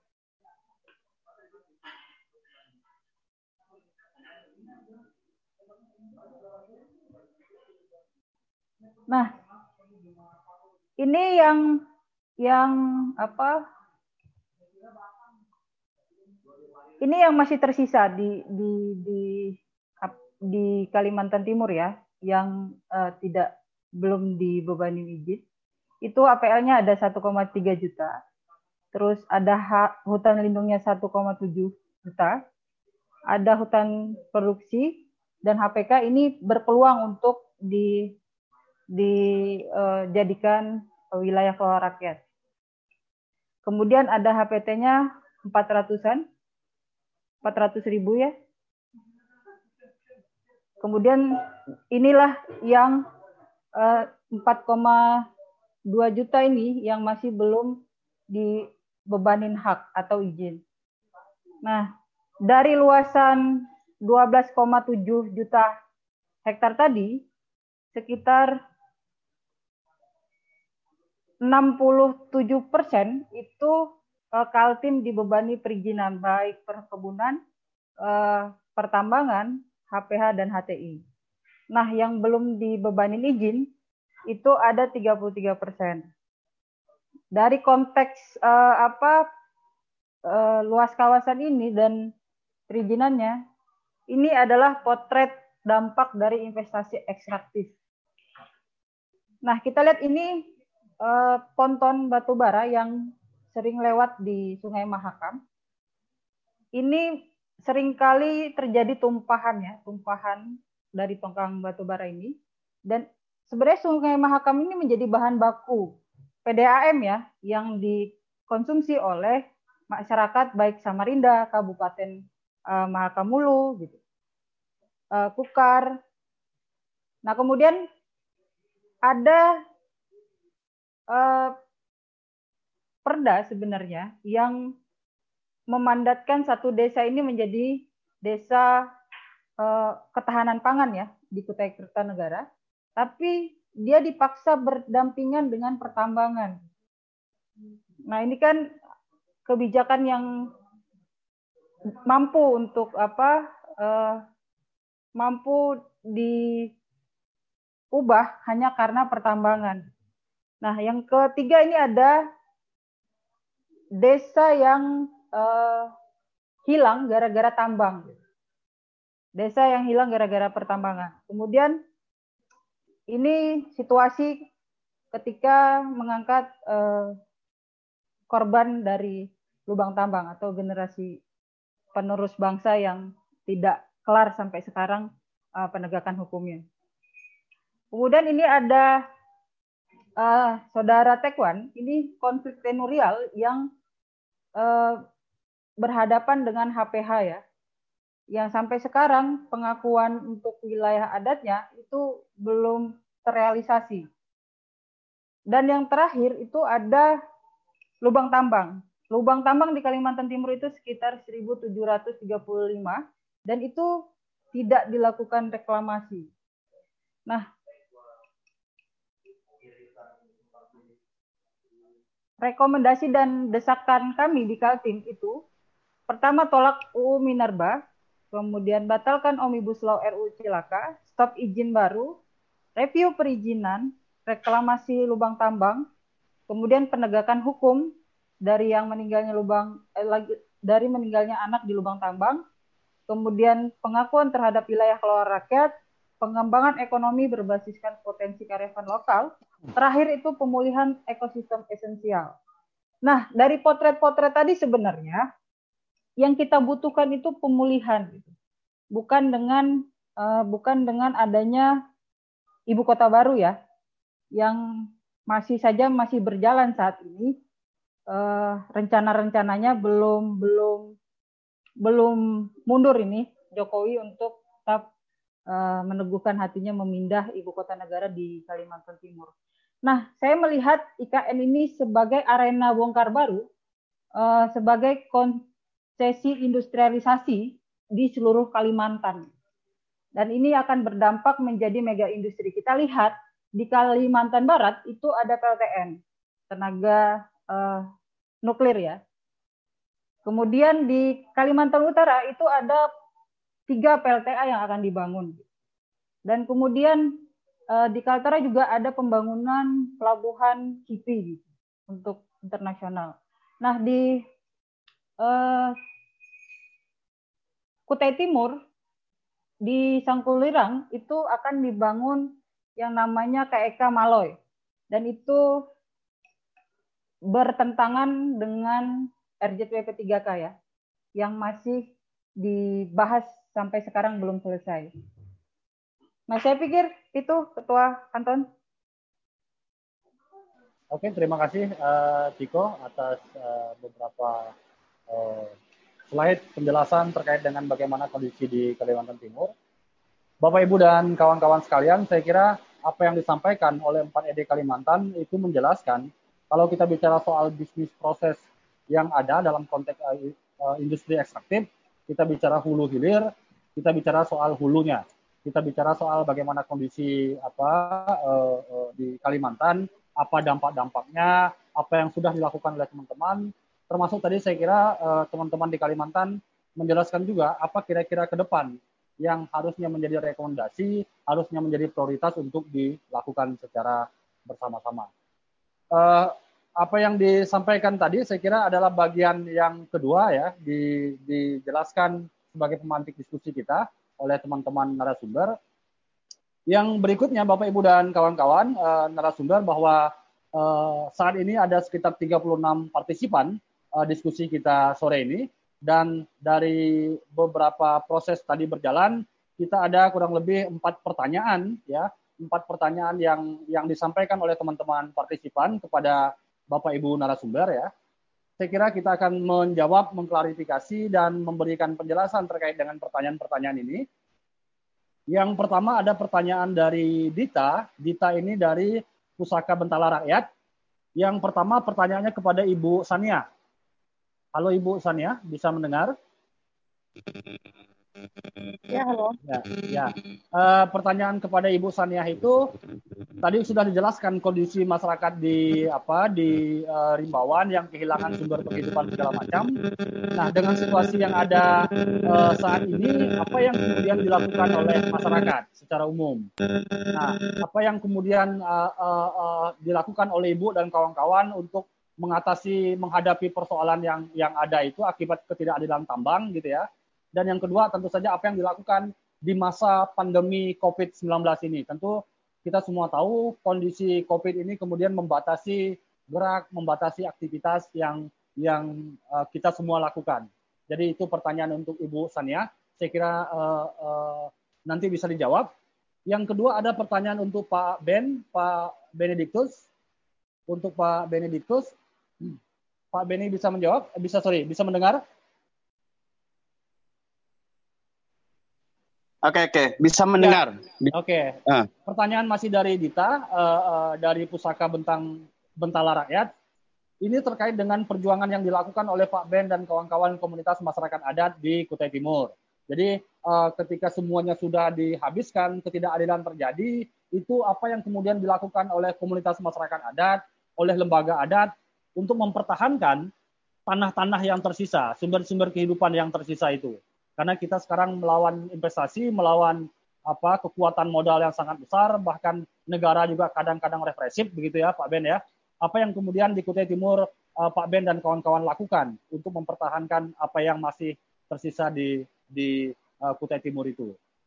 Nah, yang ketiga ini kepada uh, teman-teman narasumber di luar Pak Ben dan Ibu Sania ya terkait dengan pertanyaan dari live di Facebook itu dari Isra Nurhuda. Yang pertama, Isra Nurhuda ini dari CU Sumber Sejahtera di Banjarmasin, di Kalimantan uh, Selatan. Yang pertama itu terkait dengan uh, perspektif beliau terkait dengan melestarikan alam, melestarikan apa adat budaya itu memang harus memberikan pemahaman yang lebih kepada generasi-generasi muda begitu ya. Sehingga gerakan back to nature itu kemudian menjadi penting. Nah, menurut menurut uh, uh, Bang Nurhuda ini, persoalan kerusakan lingkungan sekarang semakin menjadi-jadi. Salah satu penyebabnya adalah karena generasi muda sekarang tidak mau lagi bertani, ya, tidak mau lagi kembali ke desa mengelola tanahnya, mengelola lahannya, begitu ya. Karena itu dianggap kemudian kolot, dianggap kemudian bukan satu pekerjaan yang bergengsi segala macam. Jadi ada persoalan serius di level orientasi, di level paradigma, di level cara pandang generasi muda sekarang dalam cerita mengelola tanah hidup merdeka di atas tanah sendiri. Nah saya kira ini bagian yang nanti silakan uh, uh, ada ibu apa uh, Nur Hidayati, ya ada Mbak Yaya, kemudian ada Bang Rupang, ada kawan-kawan Ede, silakan nanti kemudian menjawab bagian yang kedua ini. Dan yang ketiga, yang terakhir itu pertanyaan masih dari Dita. Ini ini khusus kepada semua eksekutif daerah Walhi, ya so, uh, kepada semua eksekutif daerah Walhi.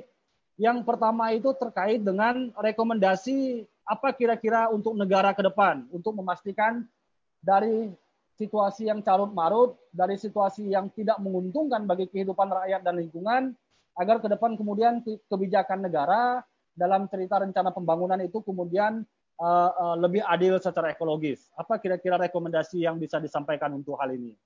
Nah, yang kedua terkait dengan apa uh, uh, terkait dengan kriminalisasi kepada pembela HAM ya pejuang-pejuang agraria ini bagaimana kemudian uh, inisiatif usaha atau upaya yang dilakukan oleh gerakan Walhi agar kemudian para pejuang lingkungan hidup, para pembela HAM ini ke depan betul-betul bisa lebih aman, lebih mampu menyuarakan ketidakadilan ya dalam konteks pengelolaan sumber daya alam dan kemudian tidak lagi dikriminalisasikan oleh apa uh, uh, uh, aparatur negara kurang lebih seperti itu.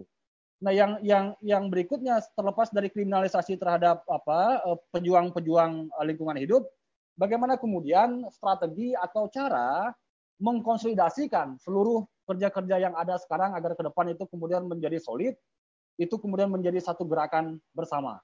Nah, saya kira ini uh, ada kurang lebih uh, empat pertanyaan yang yang disampaikan oleh teman-teman yang mengikuti apa uh, diskusi kita sore hari ini. Yang pertama, saya uh, memberi waktu kepada Ibu Sania untuk apa menjelaskan apa yang dilakukan saat ini untuk untuk apa bertahan hidup, untuk melawan ketidakadilan dari perusahaan yang ada di uh, Rimbawan Samarinda itu. Waktu dan tempat kepada Ibu Sania, silakan.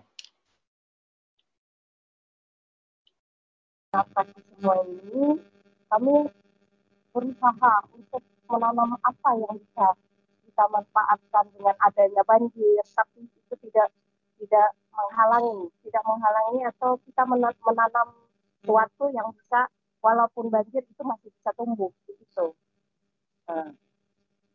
Sedangkan masalah yang kedua dengan krisis ini kita kita di rumah aja kita usaha usaha seperti jualan hmm. seperti bungkus-bungkus kacang atau bungkus kerupuk seperti itulah ya. kalau kami sudah selama selama ini masuk kita bisa kita usul ke kita pernah naik ke tambang tapi tidak ada tidak ada respon apa-apa. Nihil dapatnya kita di situ. Jadi sia-sia. Ya. Jadi bagaimana caranya kita bisa bertahan itu dengan cara yang menanam itu tadi. Ya. Kita ya. cari ya. solusi yang lain. Itu jadi. Ya. Ya, uh, artinya uh, Ibu Sania ingin mengatakan bahwa di tengah situasi yang sulit, ya kehidupan kehidupan sehari-hari secara ekonomi ya tetap saja itu berjalan begitu ya. Meskipun yeah. kemudian apa yang didapat, apa yang dihasilkan itu memang kemudian jauh nilainya dibandingkan sebelum tambang itu kemudian menghancurkan semua yang ada di kampung-kampung kita yeah. ini. Oke. Okay. Ya, terima kasih. Terima kasih Ibu Sania. Yang berikutnya kepada Pak Ben, ini soal uh, uh, perjuangan yang dilakukan oleh masyarakat adat di Kutai Timur. Silakan Pak Ben.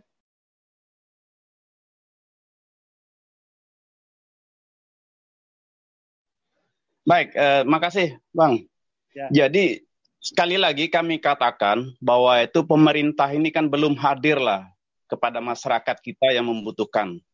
Ya, perjuangan kami selama ini yang sudah sampai ke tingkat kementerian itu pun tidak ada solusi. Bahkan kerusakan lingkungan itu terus terjadi, sungai-sungai itu dibuat kanal, itu yang menjadi sangat prihatin kami. Perlawanan kami itu memang kami bekerja sama dengan lembaga gereja. Pertama hmm. kami membentuk, uh, kami membuat namanya uh, ekologi center. Itu lahannya kami siapkan dan kami tanam, tanam ulin, tanam kapur, tanam meranti. Tetapi kan belum cukup. Luasan yang kecil itu kan tidak tidak sebanding lah dengan luasan yang diambil oleh perusahaan-perusahaan itu. Ya. Nah, masyarakat adat juga sekarang kan sedang mem, apa, memetakan, membuat lahan tanah adat. Dan itu pun tergusur juga. Sebagian sudah tergusur oleh perusahaan-perusahaan. Nah, sebagian sudah masuk dalam izin pertambangan, izin perusahaan sawit juga. Nah, ini yang menjadi keprihatinan kami bahwa pemerintah sampai saat ini belum menunjuk seba, uh, keberpihakan atau mengayomi masyarakat masyarakat adat ini dengan sesungguhnya. Nah, harapan kami masyarakat adat ini kan sedang apa ya, pengetahuan dan pengalamannya itu kan hanya berladang, berburu. Dan ini menjadi kesejahteraan buat mereka. Nah, kesejahteraan yang mereka pemerintah tawarkan ini kan kami belum paham kesejahteraan seperti apa. Sedangkan perusahaan-perusahaan yang hadir itu kan itu hanya karyawannya kan orang luar semua. Dan orang kita tidak punya pengalaman sampai ke situ. Bahkan masyarakat yang berladang pun diburu. Disebut membakar hutan. Nah ini kami tidak paham. Padahal salah satu yang membuat masyarakat ini sejahtera kan hidup dari hasil hutan itu sendiri, hidup dari karyanya sendiri, budayanya sendiri. Nah makanya saya katakan ini adalah kalau ini terus terjadi, maka ini proses pemiskinan terhadap masyarakat adat. Ya. Nah inilah harapan kami, Bang, untuk ya bagaimana pemerintah itu bisa adil lah melihat ini. Karena itu ya ya gereja dengan masyarakat adat itu gereja Katolik lah. Hmm. Itu membuat kerjasama melalui ekologi center ini ya sebagai bentuk perlawanan dari izin-izin investasi itu. Makasih Bang, mungkin itu aja dulu ya. sempat kami sampaikan. Ya, terima kasih Pak Ben uh, atas apa uh, penjelasannya. Dan yang berikutnya saya kira ke Mbak Yaya ya. Yang pertama soal orientasi paradigma cara pandang generasi sekarang yang tidak lagi kemudian menganggap bertani, mengelola alat produksi itu sebagai satu apa satu kebanggaan, satu pekerjaan yang bergengsi begitu ya. Uh, yang dianggap bergengsi itu justru menjadi buruh, menjual tenaganya di kota di mana-mana. Itu seperti apa kemudian untuk mengembalikan agar kemudian semangat back to nature, mau balik ke kampung, ke desa, membangun desanya itu kemudian lebih kuat ke depan. Silakan, Mbak Yaya. Ya, saya pikir the, uh, pandemi COVID ini bisa menjadi uh, cara yang cukup baik ya untuk menunjukkan kepada generasi muda bahwa kehidupan menjadi buruh, kehidupan menjadi uh, apa pergi ke kota itu sebenarnya kehidupan yang rentan. Saya pikir uh, sekarang ini dengan anda uh, pandemi COVID ini membuka uh, semua apa namanya mitos-mitos atau asumsi-asumsi yang selama ini uh, dicangkokkan gitu ke kepala masyarakat bahwa yang uh, apa namanya yang mentereng itu adalah kalau kita kerja di perusahaan, yang mentereng itu adalah kalau kita pergi ke kota gitu. Tapi lihat di kala pandemi ini, siapa yang uh, bisa bertahan? Itu adalah masyarakat semua masyarakat yang tinggal di kampung.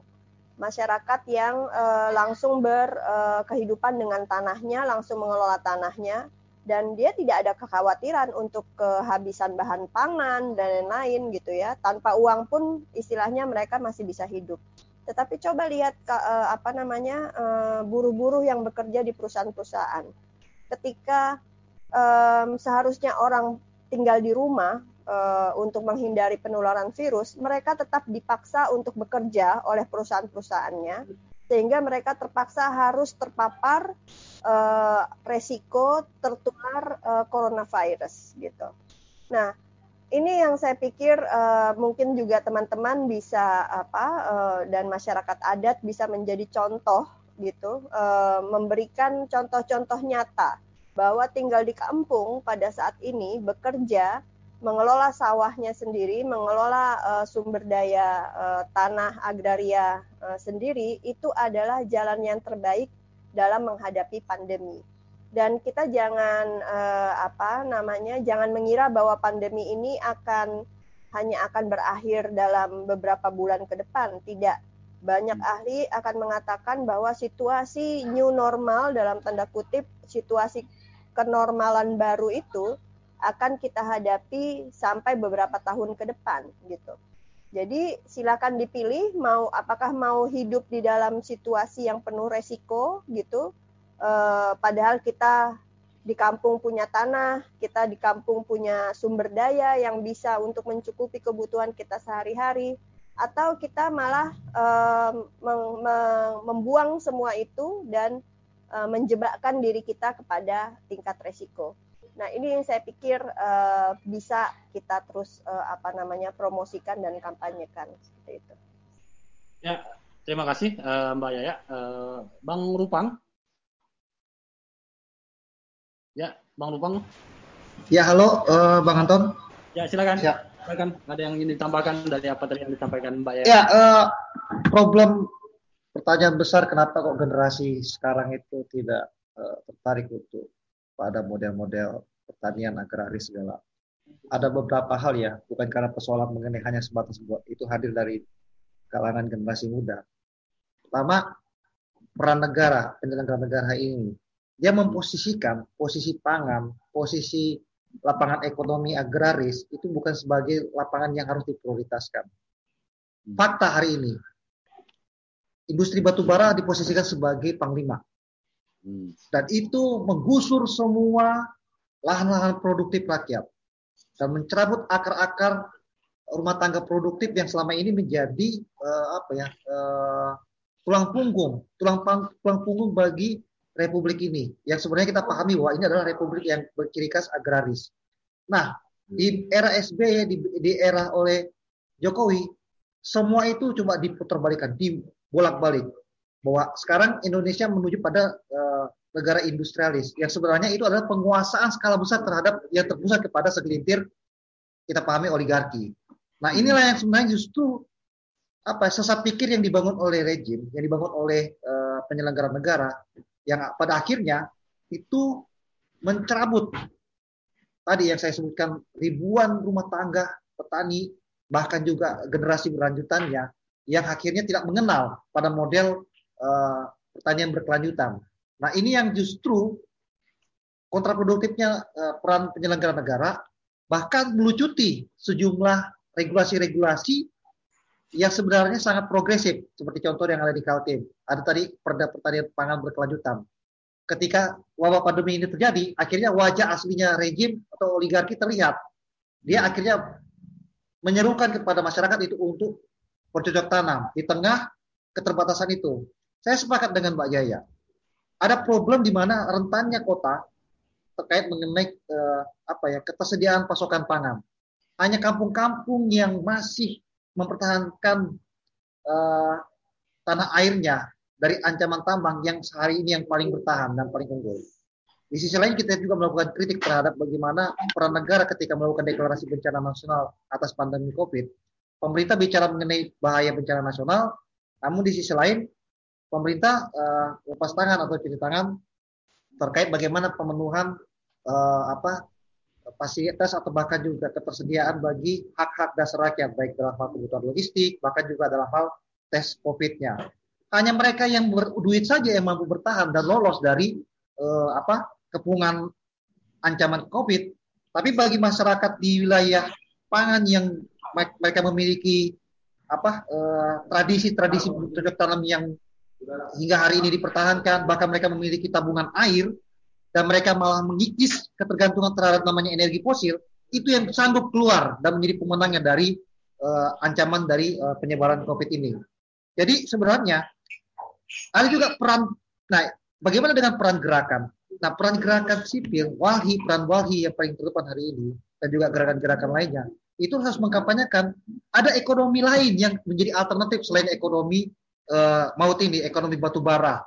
Ada ekonomi tanding yang justru dia bisa uh, hadir dan itu menjadi solusi dari gagalnya negara, gagalnya penyelenggara negara memastikan keselamatan publik, keselamatan rakyat hari ini dan di masa datang. Ekonomi ekonomi itu dicontohkan misalnya yang dilakukan oleh warga Kendeng yang terus melakukan solidaritas dalam hal ber, apa mentransfer tidak hanya pengetahuan tapi bahkan juga dalam hal logistik, juga di Banyuwangi, juga di Kalsel, dan di Wawoni dan lain-lainnya, itu adalah yang harusnya kita naikkan. Bahwa akhirnya apa bukan elit, negara apa rakyat lah yang akhirnya eh, menentukan nasibnya. Di sini yang menjadikan bahwa kalau kita masih mengandalkan bahwa model-model ekonomi yang saat ini dipas dicangkokkan dan juga dimasukkan oleh model oligarki ya kita tahu bahwa para para pengurusnya itu adalah pengusaha tambang yang hari ini berkelindan di istana negara. Tidak akan mungkin memberikan ruang yang besar bagi apa uh, produksi konsumsi dan menjamin kelangsungan ke depan. Jadi uh, menunggu mereka turun itu mustahil. Dan ya. itu yang harus kita lakukan. Sembari menyatakan bahwa kegagalan-kegagalan mereka dan menyampaikan mosi tidak percaya di hadapan rakyat lainnya. Tambahan bahwa kita juga harus mendorong kampus mendorong kampus bahwasanya kampus bukan lagi menjadi sebagai apa pelayan bagi oligarki tambang. Harusnya dia menjadi solusi dari pengetahuan berabad-abad yang dimiliki oleh Republik ini. Dan harusnya itu kembali menaikkan posisi tawar Republik ini untuk berdaulat. Itu dari saya, Bang Anton. Terima ya. kasih. Ya, terima kasih uh, Bang Rupang ya. Uh, saya kira yang berikutnya saya ke teman-teman uh, Direktur Walhi uh, Kalimantan. Uh, kita putar balik saja ya. Uh, saya kira uh, ke Ketua Tiko ya, silakan uh, uh, direspon ya pertanyaan dari Mbak Dita tadi terkait dengan apa kira-kira rekomendasi untuk kebijakan negara agar pembangunan ke depan itu kemudian apa lebih ramah secara ekologis begitu ya yang kedua soal kriminalisasi terhadap aktivis, dan tentu saja yang ketiga bagaimana mengkonsolidasikan ya kerja-kerja kita ini agar kemudian menjadi gerakan bersama yang kuat, yang masif seperti itu. Silakan kita mulai dari Kalimantan Timur. Silakan Mbak Tiko.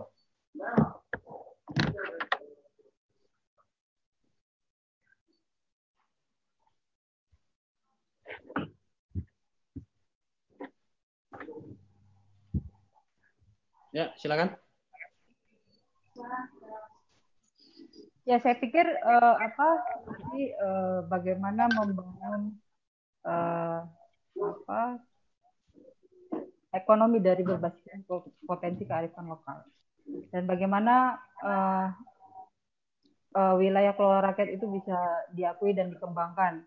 Dan bagaimana mengembalikan kebudayaan gotong royong itu di antar kampung ke kampung untuk memang uh, menjadi narasi tanding ya, menjadi narasi tanding bahwasannya eh, apa contoh dari kebijakan-kebijakan yang diadat itu sangat sangat eh, sangat eh, berkeadilan menurut saya. Ya. Yang lain bisa mute dulu? Gak apa-apa. Ada tarifnya gitu. Aduh mohon maaf, yang lain bisa mute dulu. Ah, ya, silakan Ketua Tiko, lanjutkan. Ya, saya pikir begitu, Bang Anton. Dulu. Oke, okay. oke, okay. oke. Okay, terima kasih. Uh, saya ke tengah terkait dengan tiga hal tadi. Silakan uh, Ketua Dimas. Terima kasih. Eh, sebelum memberikan rekomendasi, sebenarnya sih kalau yang kita lihat pertama adalah bagaimana pemerintah, baik pusat daerah melakukan evaluasi izin-izin yang sudah ada saat ini.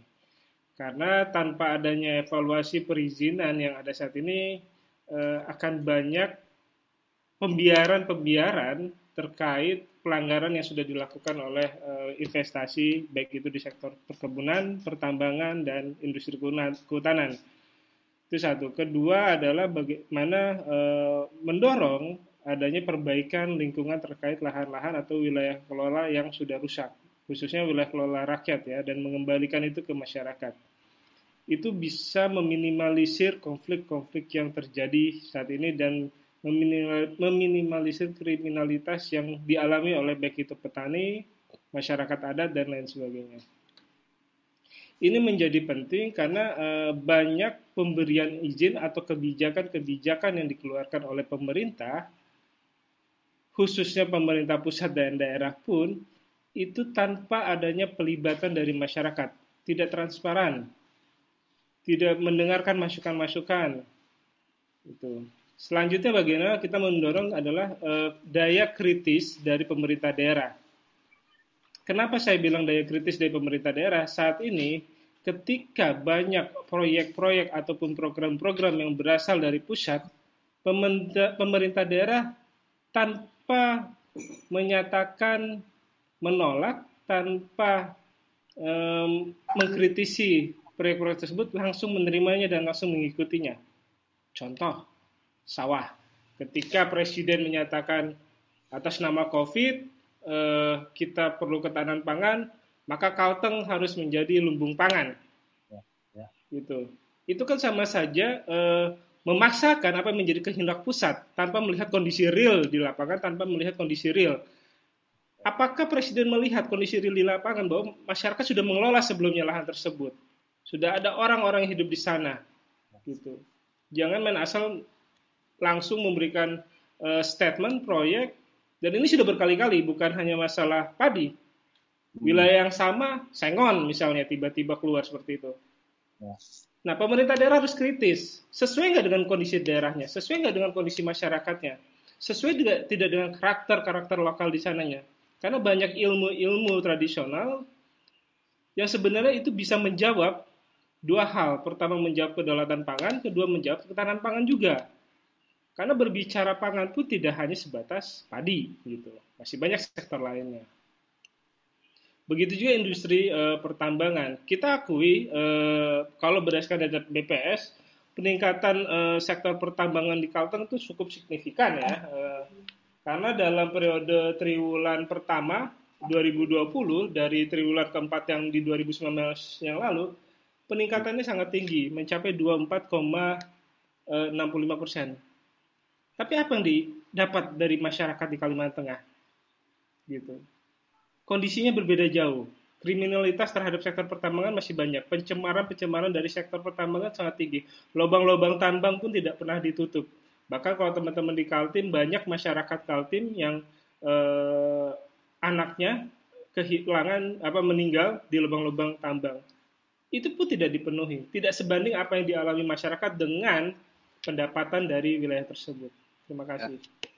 Oke, okay, uh, eh, ya saya kira sebelum ke uh, apa ke Ketua Niko, uh, rencana Presiden dan dukungan BRG untuk konversi lam, gambut apa untuk konversi gambut dalam mencetak sawah-sawah baru itu kita sepakati itu sebagai bencana baru dan itu memang harus dihentikan begitu ya Ketua.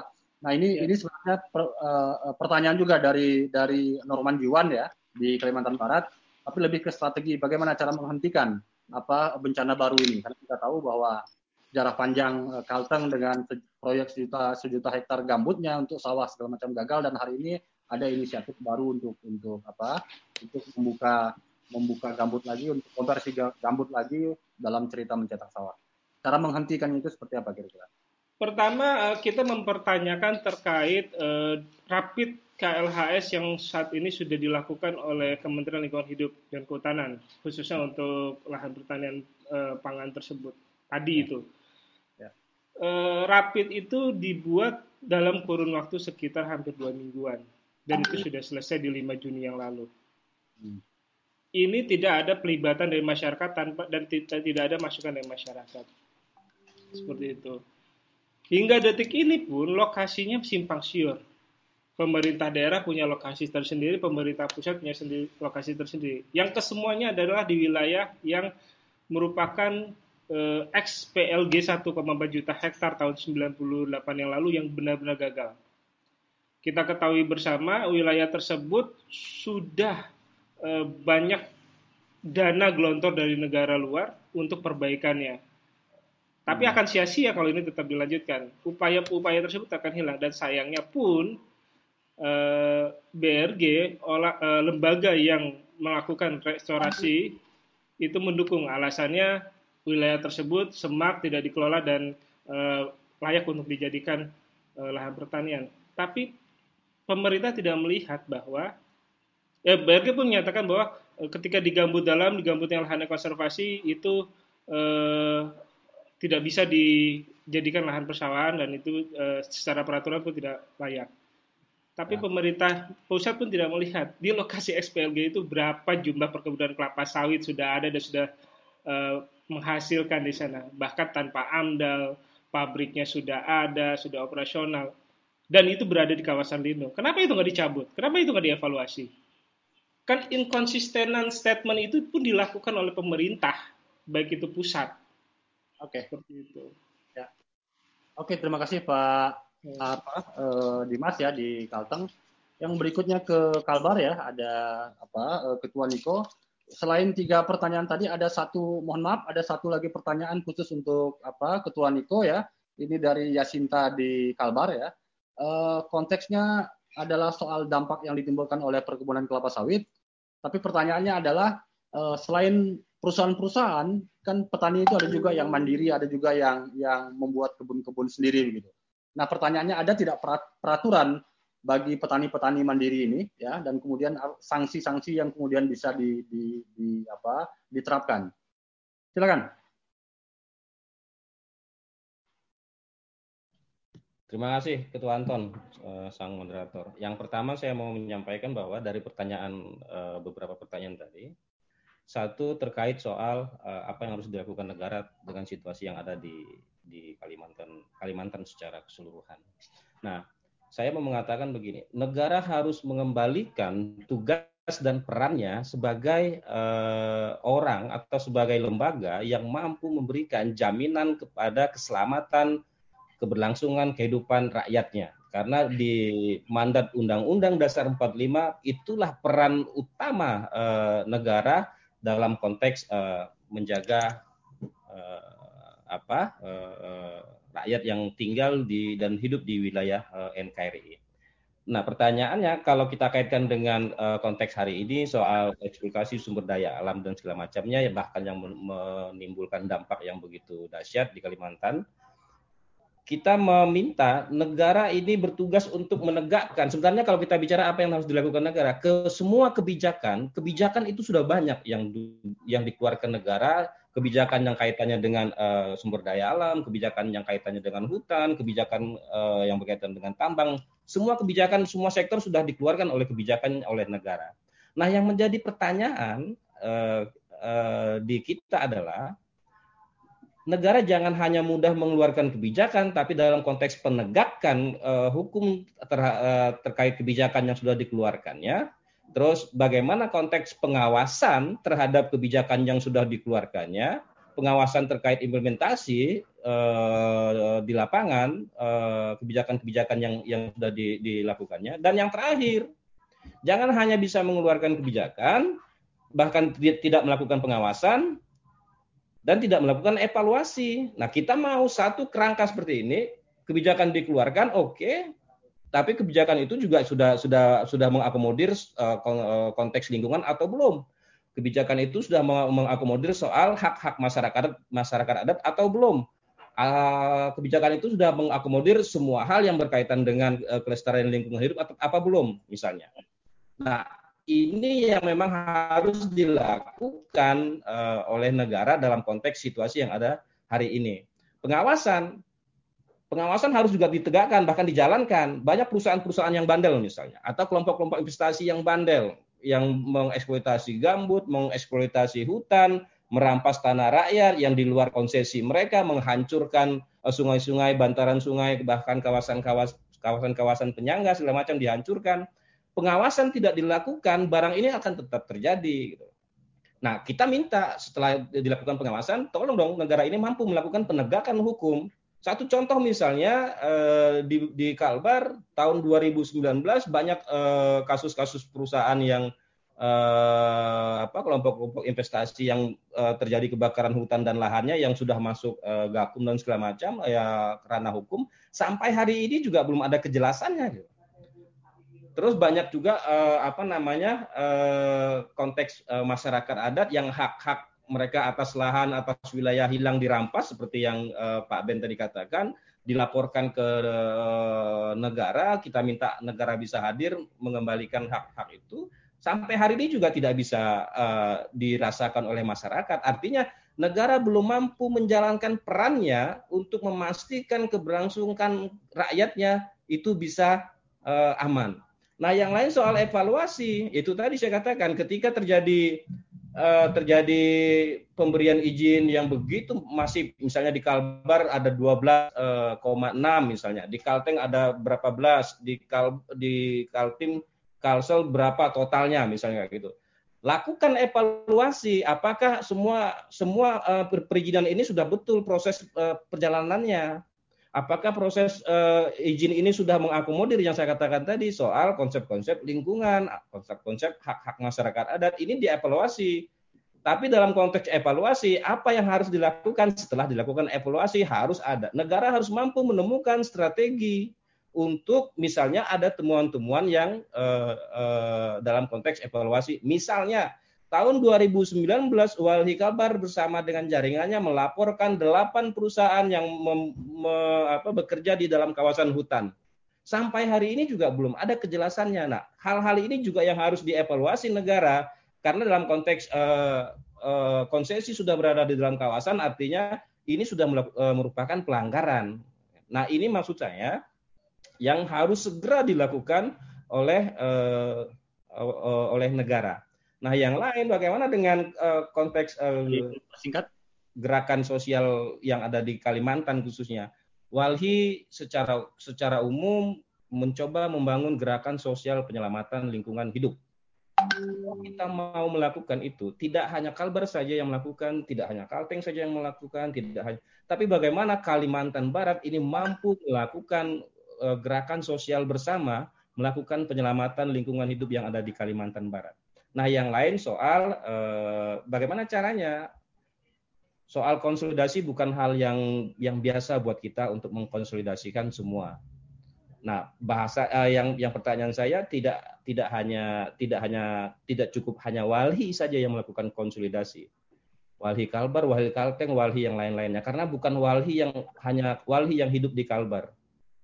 Atau hanya Walhi Kalteng yang hidup di Kalteng kita semua hidup di Pulau Kalimantan. Bagaimana kita bisa mengkonsolidasikan Walhi bisa mengkonsolidasikan semua jaringan untuk membangun gerakan sosial penyelamatan lingkungan yang ada di Kalimantan uh, secara uh, umum. Nah, yang lain uh, pertanyaan terakhir soal apakah ada aturan-aturan soal selain perusahaan yang yang membangun perkebunan, ada kelompok-kelompok. Nah, ini yang menjadi dorongan kita kepada pemerintah untuk segera melakukan penataan eh, apa namanya di sektor perkebunan terutama untuk memberikan mengeluarkan kebijakan-kebijakan yang spesifik untuk eh, masyarakat yang membangun kebun-kebun mandiri. Contohnya di Kalbar ini sudah mendekati angka ratusan ribu hektar kebun-kebun mandiri yang ada di Kalimantan Barat.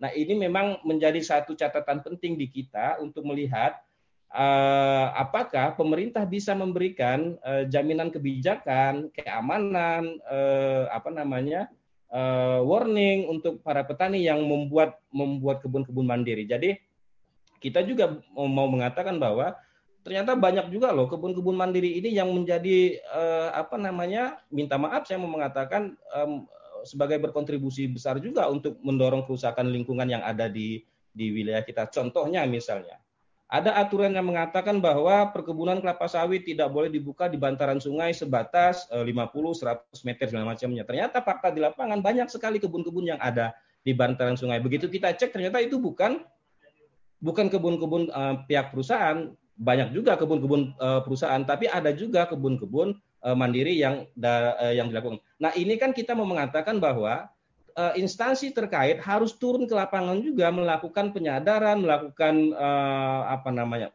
Dulu pernah ada PPL yang namanya. Harus memberikan pengetahuan kepada masyarakat agar oke okay, kalau kalian mau mem, misalnya mau membuat kebun mandiri tapi ada aturan dong, aturan lingkungan hidup misalnya tidak boleh membuka eh, bantaran sungai sepanjang 50 100 meter. Nah, ini yang yang punya kewenangan ini kan instansi yang terkait gitu loh soal okay. konteks perkebunan misalnya yeah. kan. Nah, ini maksud saya eh, tugas-tugas uh, dan peran-peran uh, negara dalam konteks uh, instansi-instansi mereka ini kan perpanjangan tangan negara. Ini harus bisa turun sampai ke tingkat basis. Saya pikir itu Pak uh, Ketua Anton sebagai moderator. Terima ya. kasih. Terima kasih uh, Ketua Niko. Saya kira yang uh, terakhir uh, saya Bapak berikan waktu kepada Direktur Walhi Kalimantan Selatan, Cak Kis, untuk merespon beberapa pertanyaan tadi. Silakan, Cak Kis. Terima kasih, Ketua Moderator, ini Ketua Anton. Mungkin ada beberapa hal tadi kan kalau saya baca di chat Zoom kan ada Ibu Dita atau Mbak Dita dari Pusaka, ada Bang siapa? Sral Uda, kemudian lain-lain kan ada Samsuri, ada Bayu, ada Nita dan lain-lain. Pada prinsipnya misalnya kayak Mbak Dita ya kan dari pusaka. Apa yang rekomendasi kita? Misalnya kalau yang paparan yang saya sampaikan tadi saya lengkap. Nah, saya apa yang ditawarkan Walhi? Walhi punya konsep yang ditawarkan ke negara ini itu WKR wilayah kelola rakyat. Ya misalnya ada kurang lebih ada beberapa tahapan. Tahapan pertama itu tata kuasa. Nah ini negara harus mengakui dulu ya kan? Dilegalkan dulu lah rakyat ini. Contoh masyarakat Dayak Meratus masyarakat Dayak Maratus itu, keluarga kita yang di pegunungan Meratus, itu orang pertama di Borneo. Bahkan sebelum negara merdeka sudah ada di situ ya kan. Mereka mampu mengelola wilayahnya, bahkan hutannya masih lestari, air masih jernih dan jasa masyarakat Dayak Meratus setelah kita hari ini udara masih lumayan bersih misalnya. Sungai lumayan bersih. Apalagi kalau mereka tidak ikut terlibat dalam penyematan hutan yang lestari. Tapi oleh negara sampai sekarang belum diakui gitu kan. Itu orang asli Borneo ya. Nah, tapi apa yang terjadi? Nah, maka tadi yang didorong Wahyu pertama tata kuasa. Legalkan dulu, akui dulu wilayah kelola rakyat ini. Belum lagi masyarakat ekosistem gambut yang selama ini juga berkonflik dengan baik HTI maupun perkebunan kelapa sawit misalnya. Ini juga tantangan tersendiri ya kan. Nah, kemudian yang kedua adalah tata kelola. Nah, bagaimana negara atau dalam setiap perencanaan pembangunan, baik RPJM desa sampai RPJM nasional, nah seharusnya memperhatikan pengelolaan kearifan lokal yang selama ini sudah dilakukan oleh rakyat Indonesia. Gotong royong, partisipatif, ya kan, menghargai hak-hak sosial budaya dan lain-lain. Nah ini penting gitu loh, bukan hanya top down, bahkan dalam perencanaan pembangunan jelas kok prinsip-prinsip perencanaan pembangunan. Selain top down juga ada secara partisipatif. Nah, tapi selama ini apa yang terjadi dalam prakteknya? Rata-rata banyak top down. Salah satunya undang-undang minerba ini. Ya kan? Omnibus Law ya juga pada materialnya sumber daya alamnya ada di daerah. Contohnya ada di Kalimantan, termasuk Kalimantan Selatan. Tapi misalnya mereka top down. Kan gitu. Nah, DPD aja nggak dilibatkan di perwakilan daerah. Nah, kemudian tata produksi. Bagaimana selama ini rakyat juga sudah mampu memproduksi potensi lokalnya. Saya bilang tadi di presentasi saya di Kalsel itu, ya kan, kerborawa, ikan itu lengkap, haruan, papuyu, sapat dan itu lengkap. Belum yang kacang negara, gumbili negara yang ada di kandangan itu itu endemik di situ gitu loh. Tapi belum dikembangkan maksimal menjadi produk turunan, eh dihajar oleh ekspansi misalnya perkebunan kelapa sawit, pertambangan dan. Ini ada apa gitu kan? Ya bagaimana masyarakat bisa bertahan? Dan ini penting gitu Belum lagi tata konsumsi dan bahkan sampai ke akses pasar. Muaranya adalah yang kita tawarkan adalah desa ekologis. Ini termasuk menjawab juga pertanyaan dari Om Samsuri misalnya bagaimana terkait energi terbarukan. Ya kan? Daerah-daerah kita bahkan kami juga mendorong sudah melakukan dan masih sekarang masih nyala listrik di Meratus yaitu mikrohidro mungkin. Mungkin di daerah Kalbar ini juga ada mikrohidro ya kan. Belum lagi yang saya bilang di Kalsel yang kami menggugat perusahaan batubara itu di hilirnya izin tambang yang diizinkan oleh menteri itu ada bendungan gitu. Itu potensi untuk PLTA dan lain-lain sebenarnya. Tapi apa yang terjadi? Makanya yang kami tawarkan adalah WKR wilayah kelola rakyat yang muaranya adalah desa ekologis baik dari energi, pertanian organik ya kan dan lain-lain. Nah, kemudian bagaimana yang terkait dengan apa yang dipertanyakan oleh Mbak Dita dan yang kawan-kawan lain. Nah, salah satunya adalah misalnya bagaimana perlindungan pembela HAM. Kita jelas kok di Undang-Undang PPLH itu pasal 66 jelas. Ya kan? Pejuang lingkungan tidak bisa dituntut secara pidana dan lain-lain. Tapi yang penjelasannya ini yang orang ajar. Nah, di penjelasan pasal ini mungkin Mbak Dita lebih paham lah kan karena orang hukum ya kan. Nah, yang di penjelasan ini yang yang masih diikat oleh negara ini kecuali pada saat berkasus atau berperkara di hukum misalnya. Ini yang masih kelemahan kita walaupun sebenarnya ya kita ya tetap semangat aja bahwa pejuang lingkungan ya itu hanya orang-orang yang memang sudah dapat hidayah, sudah dapat petunjuk Tuhan untuk tetap menyelamatkan untuk generasi mendatang. Nah ini sebenarnya sudah ada aturan. Maka tadi di presentasi saya apa tawaran saya ini? Udah bentuk pengadilan lingkungan, bentuk satgas kejahatan tambang atau satgas kejahatan lingkungan dan lain-lain. Ini penting gitu loh. Misalnya kayak inspektorat tambang, baik bubarkan aja inspektorat tambang itu baik diganti dengan satgas kejahatan tambang misalnya kan? Ini penting gitu loh. Itu yang kita tawarkan ke negara.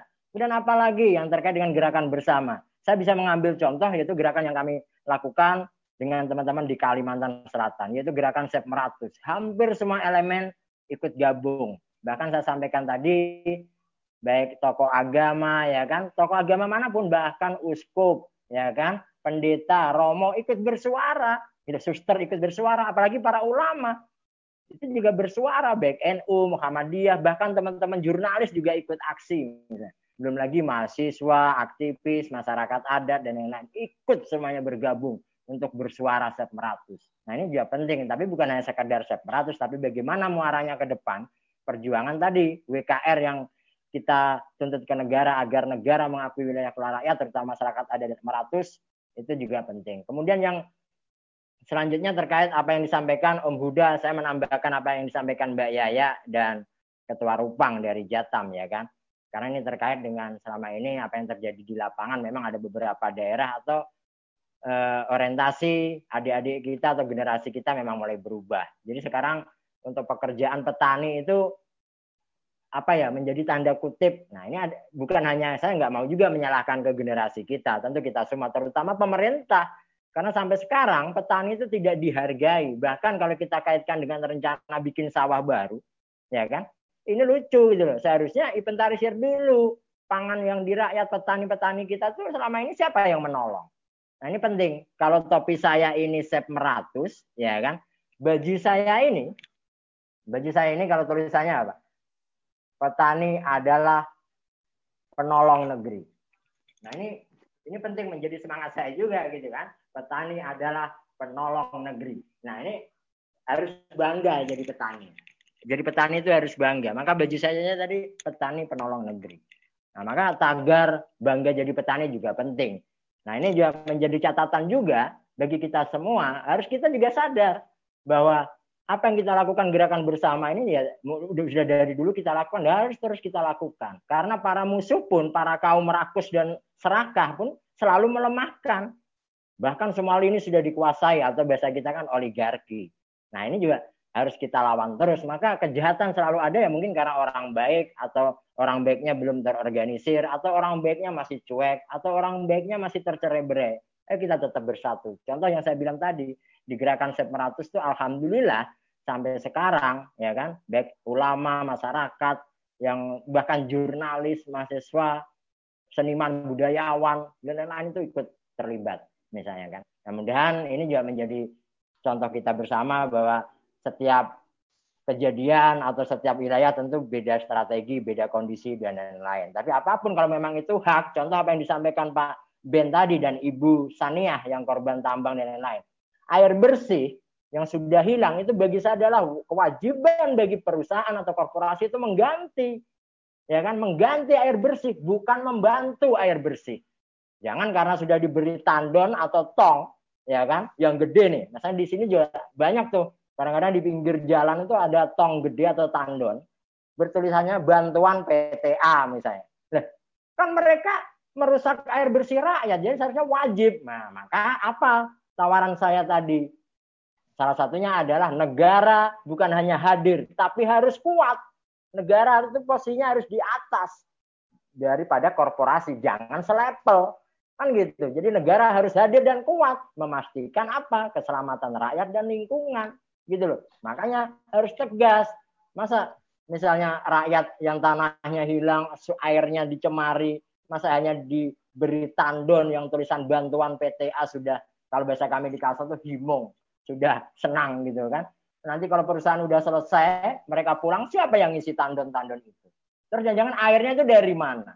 Ini juga penting gitu loh. Maka memastikan apalagi kalau kami di Muslim atau di Islam, apalagi semua agama airnya sangat vital. Maka negara menjamin harus air yang memang apalagi saat pandemi ini.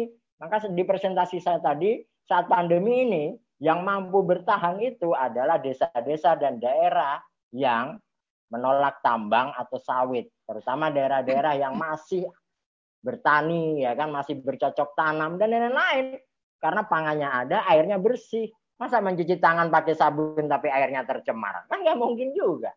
Maka seharusnya jadi tamparan keras bagi dunia. Ya kan bukan hanya kita di Indonesia tapi bagi dunia. Agar saat pandemi ini segala industri ekstraktif harus segera dievaluasi. Dan kita kembali menuju negara yang berkeadilan lintas generasi. Dan yang terakhir, Ketua Anton, ini ya. penting saya sampaikan bahwa dalam RUU Minerba maupun Omnibus Law ini, ini kan kita di daerah kayaknya dilecehkan, ya kan? Kalau bagi saya ini dilecehkan karena materialnya ada di tempat kita. Bahkan di PD tadi saya bilang tidak dilibatkan. Apalagi di RUU Omnibus Law itu nanti izin tambang seumur tambang. Bisa sampai kiamat nggak bisa habis tuh izinnya. Belum lagi royalti 0%. Dapat apa daerah? Maka saya dalam kesempatan ini pun meminta dan memohon dengan hormat kepada pemerintah daerah maupun provinsi atau kabupaten kota maupun DPR provinsi maupun DPR kabupaten kota juga ikut menolak gitu loh. Karena saya bilang tadi, ini juga daerah apalagi ini bulan reformasi, ya kan? Ini penting bahwa daerah, kepentingan daerah juga harus diperhatikan. Maka pemerintah daerah juga harus terlibat dalam penolakan ini. Itu kalau mereka paham, ya kan? Kalau mereka bagian dari ini atau mereka lagi bingung ya, ayo kita diskusi sama-sama. Kita berbagi peran, ya kan? Mungkin itu Ketua Anton. Yang jelas ya. negara harus hadir, bukan hanya hadir, tapi negara harus kuat dan buktikan. Saya selalu senang menyampaikan bahwa kita masih negara kesatuan Republik Indonesia, bukan negara kesatuan Republik investor. Oke, okay, terima kasih uh, Cak Kis. Saya kira uh, Bapak Ibu dan teman-teman sekalian yang hadir yang masih ada di apa uh, webinar kita ini. Uh, pertama saya mohon maaf agak korupsi waktu ya. Uh, harusnya kita selesai jam 16, ini kita kurang lebih setengah jam. Uh, ini adalah bagian yang terakhir. Uh, saya harus mengakhiri ya diskusi kita ini karena memang waktu yang yang yang terbatas. Uh, setidaknya dari diskusi kita ini ada beberapa catatan, kesimpulan yang kita buat begitu ya, yang apa uh, saya catat dari apa yang disampaikan oleh Bapak Ibu dan respon teman-teman partisipan. Yang pertama ketika kita bicara Kalimantan itu uh, sorry, yang pertama kalau kita bicara petaka di lumbung energi Kalimantan uh, arah kita sekarang adalah bagaimana kemudian mengurangi petaka di lumbung energi itu. Nah, jadi dalam dalam cerita ini saya kira uh, beberapa kesimpulan kita adalah yang pertama bahwa undang-undang Minerba sangat buruk bagi keselamatan rakyat dan keberlanjutan layanan alam begitu sehingga kemudian uh, tidak ada kata lain memang memang penolakan harus harus kita lakukan secara bersama-sama. Nah, yang kedua tadi uh, uh, disebutkan bahwa undang-undang Minerba ini adalah puncak perwujudan kapitalisme di Indonesia begitu ya. Kita bisa melihat semua apa eh, mandat dan dan kuasa negara untuk membuat mengawasi untuk memastikan semua menjadi lebih baik itu kemudian dihilangkan dan kemudian apa eh, eh, investasi itu kemudian berkuasa penuh untuk mengeruk untuk melakukan ekstraksi semua sumber-sumber daya mineral yang ada di di di, di Indonesia. Yang ketiga, kesimpulan kita bahwa memang harus ada evaluasi dan penegakan hukum yang serius yang menyeluruh di sektor industri ekstraktif. Poinnya adalah kita tidak puas dengan korsup yang dilakukan oleh KPK yang larinya itu ke arah pencegahan gitu loh. Tetapi memang harus ada bentuk-bentuk penindakan sehingga penegakan hukum itu betul-betul harus dijalankan di sektor investasi apa eh, ekstraktif ini. Pencabutan, penciutan izin itu harus dilakukan khususnya bagi izin-izin yang melanggar Nah, semua ini muaranya adalah untuk memperluas ruang hidup rakyat yang ada di Kalimantan. Yang keempat, saya kira kesimpulan kita tadi melihat ada opportunity begitu ya, ketika kita bicara soal pandemi Covid, ini harusnya menjadi momentum untuk merubah orientasi, merubah cara pandang kita dalam mengelola sumber daya alam. Poinnya adalah uh, uh, pandemi ini sebenarnya bisa menjadi momentum untuk kita memperbaiki relasi kita dengan alam gitu loh. Yang yang selama ini memang kita kita lupakan, kita dalam arti semua publik masyarakat begitu ya. Dan kemudian berharap kemudian eh, pandemi ini bisa kemudian merekatkan lagi relasi kita dengan dengan alam semesta agar kemudian kita bisa tahu bisa merasakan apa yang kemudian dibutuhkan alam untuk tetap survive, tetap mendukung kehidupan dari kita sebagai manusia. Catatan yang kelima uh, dari diskusi kita ini adalah bagaimana kita semua uh, sepakat harus memperkuat konsolidasi dalam konteks advokasi dan kampanye memberikan dukungan terhadap penolakan regulasi ini secara lebih masif di Kalimantan. Dan secara lebih lebih umum adalah harus ada bentuk advokasi dan kampanye untuk carut marut tambang Kalimantan ini yang bisa kita lakukan secara bersama-sama. Nah, saya kira ini adalah bagian penting akan menjadi PR kerja bersama ya, tidak hanya di level teman-teman eksekutif daerah Walhi di seluruh region Kalimantan, tetapi dalam konsolidasi masyarakat sipil bagaimana kemudian kita mampu menyuarakan advokasi kita, kampanye kita di sektor tambang yang sangat merusak ini minimal sama naiknya seperti advokasi dan kampanye kita di sektor perkebunan kelapa sawit, sektor hutan dan dan sektor-sektor lainnya di, di di di Kalimantan. Dan yang paling terakhir catatan saya dari diskusi ini dari awal kita ada 30-an partisipan naik ke 38 hampir 40-an apa eh, partisipan yang ikut dalam diskusi kita. Eh, catatan saya adalah bagaimana webinar yang kurang lebih sama ini kemudian terus berlanjut ke depan. Bagaimana kemudian kita bisa membahas hal-hal lain tidak hanya di sektor energi, tapi juga bisa jadi mohon maaf tidak hanya di sektor apa minerba, tapi juga semua apa uh, uh, uh, core advokasi yang bisa dilakukan di Kalimantan kita lakukan lagi melalui webinar-webinar yang akan datang. Saya kira ini ini ini ini penting kita lakukan. Dan yang paling terakhir saya minta maaf kepada Nita di Kalteng ada satu pertanyaan yang memang belum terjawab ya. Nanti mungkin bisa direspon teman-teman narasumber bisa melihat itu di di, di kolom chat ya uh, uh, terkait dengan ada keinginan untuk me, me, me, memperbaiki image apa uh, perusahaan tambang ya lubang tambangnya kemudian dibuat sebagai tempat tempat untuk berwisata segala macam seperti itu.